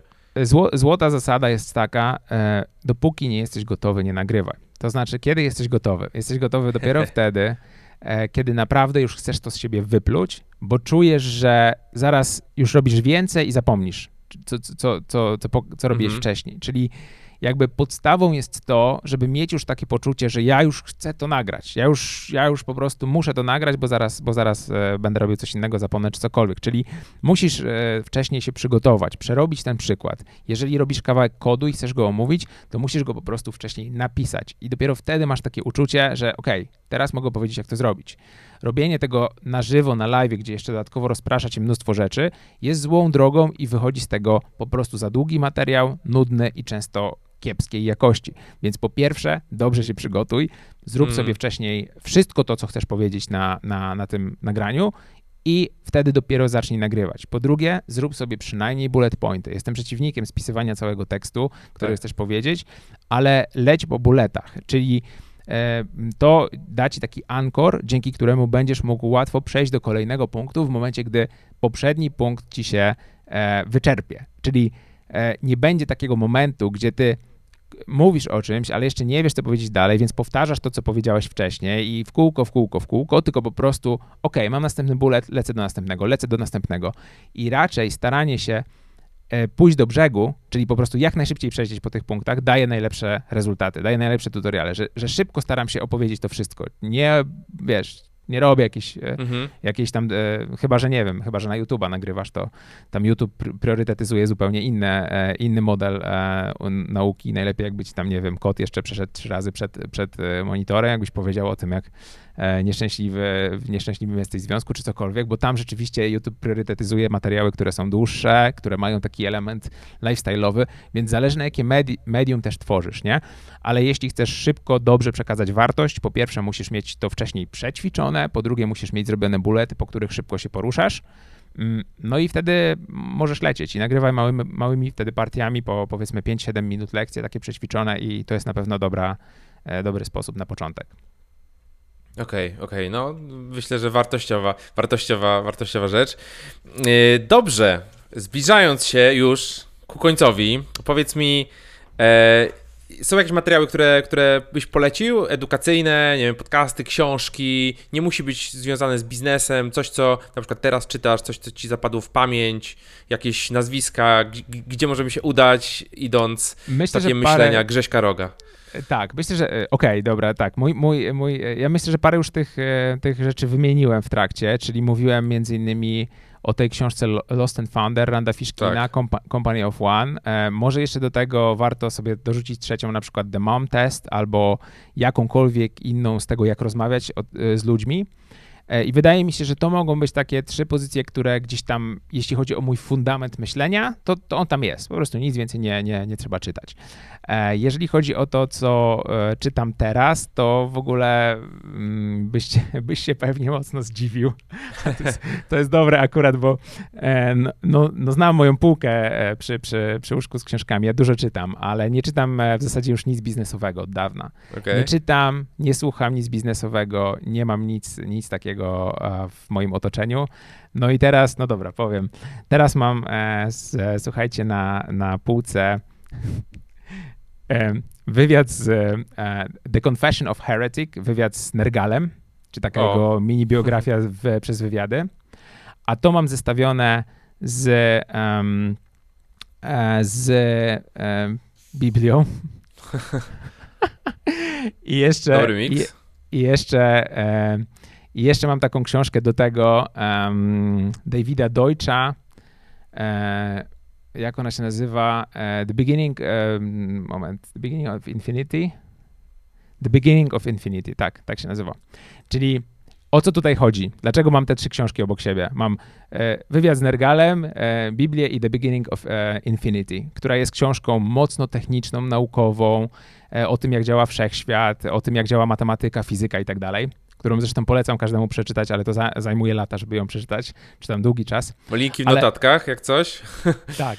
Ale zobaczcie, że zestawienie tych trzech książek, które czytam jakby równocześnie, no nie, nie to, że Biblię jakoś czytam równocześnie, też nie jestem jakby, tylko chodzi o to, że ja potrafię sobie zestawić Adama, który jest e, tak po, po, powiedzmy po tej lewej stronie, tą Biblię, która jest po prawej i w środku jest to podejście takie E, właśnie naukowe, naukowe, naukowe wyjaśnienie świata. To jest naukowe wyjaśnienie świata, The, the Beginning of Infinity.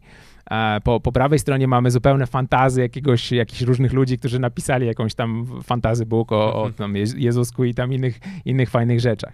E, a po, a, po trzeciej, a po drugiej stronie mamy zestawienie tego z, z podejściem takim absolutnie heretyka, który po prostu lubi palić kościoły, czy tam lubił kiedyś.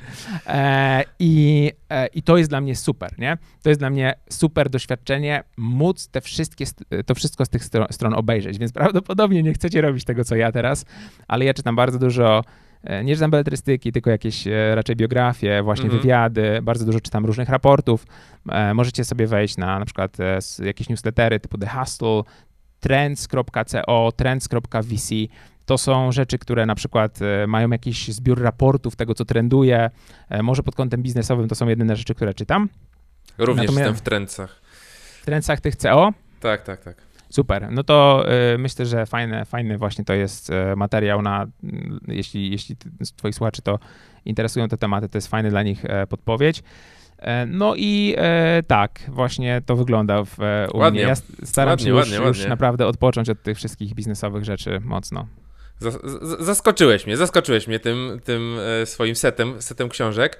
Nie e, co? A ja, jakbyś miał jeszcze na koniec dać jakieś e, rady, czy jakieś takie insighty, których się nauczyłeś przez te lata budowy produktów, jak ktoś dzisiaj zaczyna budować produkt albo e, budujesz swój produkt, ale to jakoś no, nie, nie, idzie w dobrą stronę, to czy, czy, czy masz jakąś. W, w, w, którym kierunku on powinien spojrzeć? Czy właśnie iść do tych książek biznesowych, czy nie wiem, podglądać jakichś innych przedsiębiorców, czy w ogóle się zastanowić nad tym swoim produktem? Chyba, chyba moja taka rada, yy, też nie, nie, nie, za bardzo lubię udzielać rad, bo tak jak powiedziałem, te, te, te, dobre rady to tak naprawdę od ludzi, którzy już tam gdzieś, gdzieś coś zrobili, to na ogół nie są powtarzalne. Tak, tak. Ale moja taka, moja taka do, to, to, w co ja głęboko wierzę i po prostu wydaje mi się, że działa, bo tak naprawdę ja nie jestem jakiś wyjątkowy, tylko jestem dosyć pracowity. E, to mhm. jednak jest e, to jednak jest e, robienie produktu w zgodzie ze swoim sercem i ze swoim sumieniem i robienie tego cierpliwie. Czyli właśnie nie słuchanie wszystkich biznesowych podcastów, nie czytanie wszystkich biznesowych książek, nie followowanie wszystkich biznesowych profili, bo moim zdaniem ma to skutek odwrotny do oczekiwanego. Raczej jesteśmy w stanie wpędzić się w jakieś takie trochę kompleksy, może czasem e, jakby przytłacza nas to, że tak dużo tych rzeczy jest dookoła, jeżeli stworzymy dobry produkt, to on się naprawdę obroni i ja w to święcie wierzę. A nawet jeśli nie, e, to nauczy, wyciągniemy z tego dużo lekcji i, i, będziemy mogli robić e, lepsze rzeczy w przyszłości. I teraz taką chyba radą by było właśnie jednak skupienie się na tym produkcie, bo, bo ja, ja, dlatego to mówię, bo u mnie to zawsze działa. Ja się zawsze skupiam na produkcie, na dowiezieniu jak najlepszej jakości. Nie, sku, nie robię marnych MVP, nie wypuszczam jakichś badziewnych e, podstron, żeby tylko, wiesz, e, po prostu jakoś patrzeć, e, czy, czy, czy to marketingowo zadziała.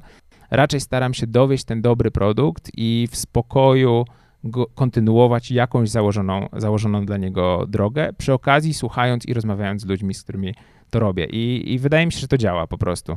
Więc może to jest taka rada. Okej, okay, super, super. E, takie w sumie kontr, kontr podejście, bo często teraz się mówi, że po prostu ten produkt to jest w sumie nieistotny, nie? Istotne jest, wiesz, ten cały, cały nakręcenie, nakręcenie ludzi, ale tak... Mam nadzieję, że przez cały podcast um, udało mi się temu sprzeciwić, bo jestem, jestem przeciwny temu podejściu. Nie, um, nie uważam, że jest to dobre podejście. E, I jak najbardziej w internecie musimy się jakoś przebić w tym natłoku informacji, które ludzi e, otaczają, ale zróbmy to naprawdę dobrym produktem. E, I nie mówię, że jest coś złego w na przykład robieniu produktu po jego jakiejś walidacji, czyli że najpierw sprzedaj, później zrób, bo to jest takie podejście, nie? które gdzieś tam. Tak. Ale wydaje mi się, że dużo ludzi to robi, którzy tak naprawdę E, jednak bardziej im zależy na tej sprzedaży, a to, czy oni zrobią ten produkt, to jest trochę wątpliwe, bo jeszcze na przykład nigdy go nie zrobili. I to jest dopiero niebezpieczne. Mm. Uważam, że na przykład, wiesz, nie wiem, Dropbox jak to robił, czy inne firmy, czy, czy ja też często tak robię, że, że gdzieś tam nie mam czegoś skończonego, ale ale ja jestem pewien, że to dowiozę. Ja po prostu wiem, że to dowiozę, bo ja wiem, że umiem to zrobić, że to robiłem w przeszłości, że się tym zajmuję, że po prostu mm, zrobię świetny produkt z tego, więc wtedy mogę testować. Jeżeli jestem na takim grząskim gruncie, że nie jestem pewien, to po prostu nie sprzedawajmy tego najpierw, tylko zróbmy dobry produkt. Dobra rada. Dobra rada, ale też pamiętajmy o, to, o, tym, o tym, co mówiłeś, że budujmy te relacje i pracujmy z tymi ludźmi i nie trzymajmy tego naszego dobrego produktu w piwnicy e, przez nie, dwa, trzy lata. Oczywiście. Wiesz, to, to, to nie, też jest mówmy ważne, o tym, mówmy o tym produkcie wszystkim dookoła. Tak. E, w ogóle nie, nie siedźmy, nie, nie, nie. To, to rzeczywiście, żeby to wybrzmiało, e, ja e, bardzo dużo, e, nawet jeśli coś robię i skupiam się na tym, żeby dowieść świetny produkt, to ja wszystkim dookoła mówię o tym, ja wszystkim dookoła pokazuję już jakąś wczesną wersję, ale ale nie na zasadzie kup tą wczesną wersję, tak. nie, nie, tylko na zasadzie właśnie e, tych ludzi, z którymi nawiązuję relacje, żeby to sprawdzili, dali mi jakiś feedback. I to tak powinno działać. No tak, no ja właśnie teraz y, idę, idę tym, tym torem, zbudowałem grupę ludzi zainteresowanych tym produktem, który wypuszczamy. Z tej grupy wyciągnąłem ludzi, którzy są zainteresowani wejściem jako pierwsi, nie? Do, grupy mm -hmm. takich early adopterów i im dałem dostęp, nie? I w tym momencie oni zgłaszają, zgłaszają błędy, zgłaszają uwagi i tam sobie dyskutujemy. To są w sumie wszyscy mają ten sam mindset, który ja i oni naprawdę z su super energią, super chęcią yy, współpracują, nie? I no pomagają no nam zbudować Wszystkim coś, jest coś łatwiej, nie? Wszystkim tak. jest łatwiej. Nie ma tej relacji, wiesz, klient, oczekiwania, coś tam. Yy, to jest tak powinno być, to jest bardzo zdrowe podejście i mm, po prostu zwiastu, jakby to podejście zwiastuje, że to się uda, że ten twój produkt się uda, nie? Um, więc, więc jak najbardziej, super. Kibicuję bardzo i to tak, tak um, fajnie działa. Dzięki, dzięki. Jeszcze mam nadzieję, gdzieś tam, gdzieś tam pogadamy kiedyś. Pokażę Jaki to jest produkt, o którym mówisz teraz? E, to jest produkt Achieve Guru. To jest produkt, który e, ma, ma na celu troszeczkę zmienienia podejścia do zarządzania zadaniami, nie? Pod kątem mm. tego, że ok, wszystkie narzędzia mówią get things done, tak, zrób, zrób te rzeczy, a my idziemy w kierunku, no dobra, ale jakie rzeczy, nie? Jakie rzeczy? Mm. Tym ważne jest, że, żebyś robił dobre rzeczy, możesz ich robić mniej, ale ważne jest, żebyś robił dobre rzeczy. Więc zaczynamy od dużego celu, dzielimy je na mniejsze, dzielimy je na jeszcze mniejsze, aż do tego, że jutro masz wysłać dwa maile i to za 5 lat ci pozwoli na przykład e, na 12 miesięcy wyjechać wyjechać. E, no, tak, o to chodzi. O to chodzi. Fajny, fajny pomysł w ogóle. Ja rzeczywiście, jak sobie pomyślę, bo tak właśnie mam w Notion to wszystko zorganizowane, to właśnie tak mam to zorganizowane. Po lewej stronie mam takie rzeczy shipped i ja po prostu staram się, żeby były to 3-4 rzeczy dziennie, które ja shipuję, które po prostu drive'ują mi jakiś cel na, e, tak. taki większy. A z prawej strony dopiero mam listę takich bieżących, asapów i tak. po prostu to muszę zrobić i to po prostu spycham jak najszybciej, natomiast koncentruję się na, na tym, co, co pcha, co, co drive'uje ten, ten wynik. E, no i na koniec e, też trzeba sobie powiedzieć kiedyś stop, nie? To jest też ważne, myślę, że, że, że moglibyśmy, teraz możliwości jest tyle, że moglibyśmy to robić w nieskończoność. E, moim zdaniem ten happy time jest jednak poza komputerem, a przy komputerze to nie jest happy time i już do tego troszkę też dojrzałem, żeby sobie to lepiej organizować, a właśnie te nasze projekty powinny dawać nam nie pieniądze, a freedom, ten, tą wolność po prostu. To jest to, co jest najważniejsze żeby e, po prostu zdrowo funkcjonować i, i robić kolejne rzeczy z zapałem. No tak, ja mam takie spostrzeżenie, że e, po pierwsze już komputera zaczynam używać bardziej jako narzędzia, czyli na przykład siedzę sobie tam na fotelu, nie, czytam sobie książkę i wtedy mi wpadają dwa pomysły i wtedy siadam do komputera i je, i je realizuję, a jak usiądę najpierw do komputera, to tutaj mhm. jakieś powiadomienie, tutaj coś i te pomysły w ogóle do mnie nie przyjdą. Nie? To prawda, I, jasne. No. I, coś, i, coś, I coś z tego. Dlatego trzeba podróżować też. Wtedy, wtedy tak, przychodzą do tak. głowy świetne pomysły i, i, jest takie zdrowe podejście. Super. Wycisnąłeś mnie jak cytrynę, Bogusz. Grzesiek, gdzie cię można znaleźć w sieci? Poza tymi 150 linkami, które już podałeś.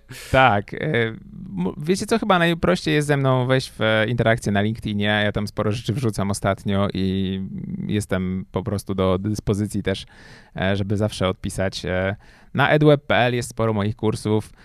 No i tych z Was, którzy chcą zobaczyć e, to niekodowanie, to zapraszam na niekoduj.pl, bo będzie petarda teraz. E, naprawdę fajne, fajne rzeczy tam odpalam i, i cały ten system flow jest to zaangażowany i webflow i to całe podejście, e, dużo automatyzacji i na niekoduj.pl to, to, to wszystko niedługo rusza.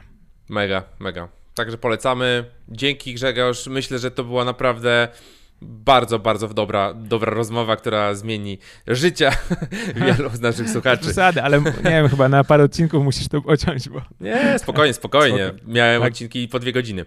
Także okay. dzięki Ci serdecznie za rozmowę i do usłyszenia. Dzięki wielkie, powodzenia Bogusz, trzymaj się. No i to już wszystko w tym, w tym odcinku. Mam nadzieję, że ta rozmowa Wam się podobała. E, mi na pewno. Ja czerpię z tych, z tych rozmów, tych, z tych moich podcastów bardzo dużo wiedzy. Też zadaję pytania, które po prostu na które sam chcę znać, znać odpowiedź. E, ta rozmowa mnie mocno zainspirowała. Mam nadzieję, że gdzieś tam z Grześkiem się jeszcze skrosujemy, przetniemy, może jakiś wspólny projekt kiedyś, kiedyś się urodzi. E, myślę, że mamy podobny, podobny mindset. E, jeżeli ta rozmowa Wam się podobała, to proszę podzielcie się gdzieś w swoich mediach, na przykład na Instagramie, oznaczcie jak słuchacie, e, oznaczcie Bogusz Pękalski. Będzie mi bardzo, bardzo miło. Ja na końcu wam, Was jeszcze zaproszę, jeżeli słuchacie tego przed 18 stycznia, przed, przed, tą, przed tym tygodniem, 18-22 stycznia, to zapraszam Was serdecznie do naszego nowego programu AI w praktyce, gdzie razem z Przemkiem Chojeckim, e, o którym też była mowa e, w trakcie, w trakcie podcastu, zbudowaliśmy projekt AI w praktyce, nowy kurs online i właśnie trwa przedsprzedaż. A jak słuchasz tego później, to wpadaj również na AI w praktyce.pl, zobacz kiedy nowa edycja, może akurat i tam też skupiamy się na zastosowaniach sztucznej inteligencji, E, wraz z rozwiązaniami no-codowymi, low-codowymi, zarządzaniem takim, takim całym projektem AI-owym. Myślę, że to jest bardzo, bardzo ciekawa rzecz i to jest coś, co się przyda po prostu w przeciągu kolejnych 10 lat na pewno, jeżeli ktoś myśli o, e, o działaniu w branży tej, tej naszej internetowej. Więc jeszcze raz dziękuję Ci serdecznie za wysłuchanie tego odcinka i do usłyszenia, do zobaczenia. Cześć.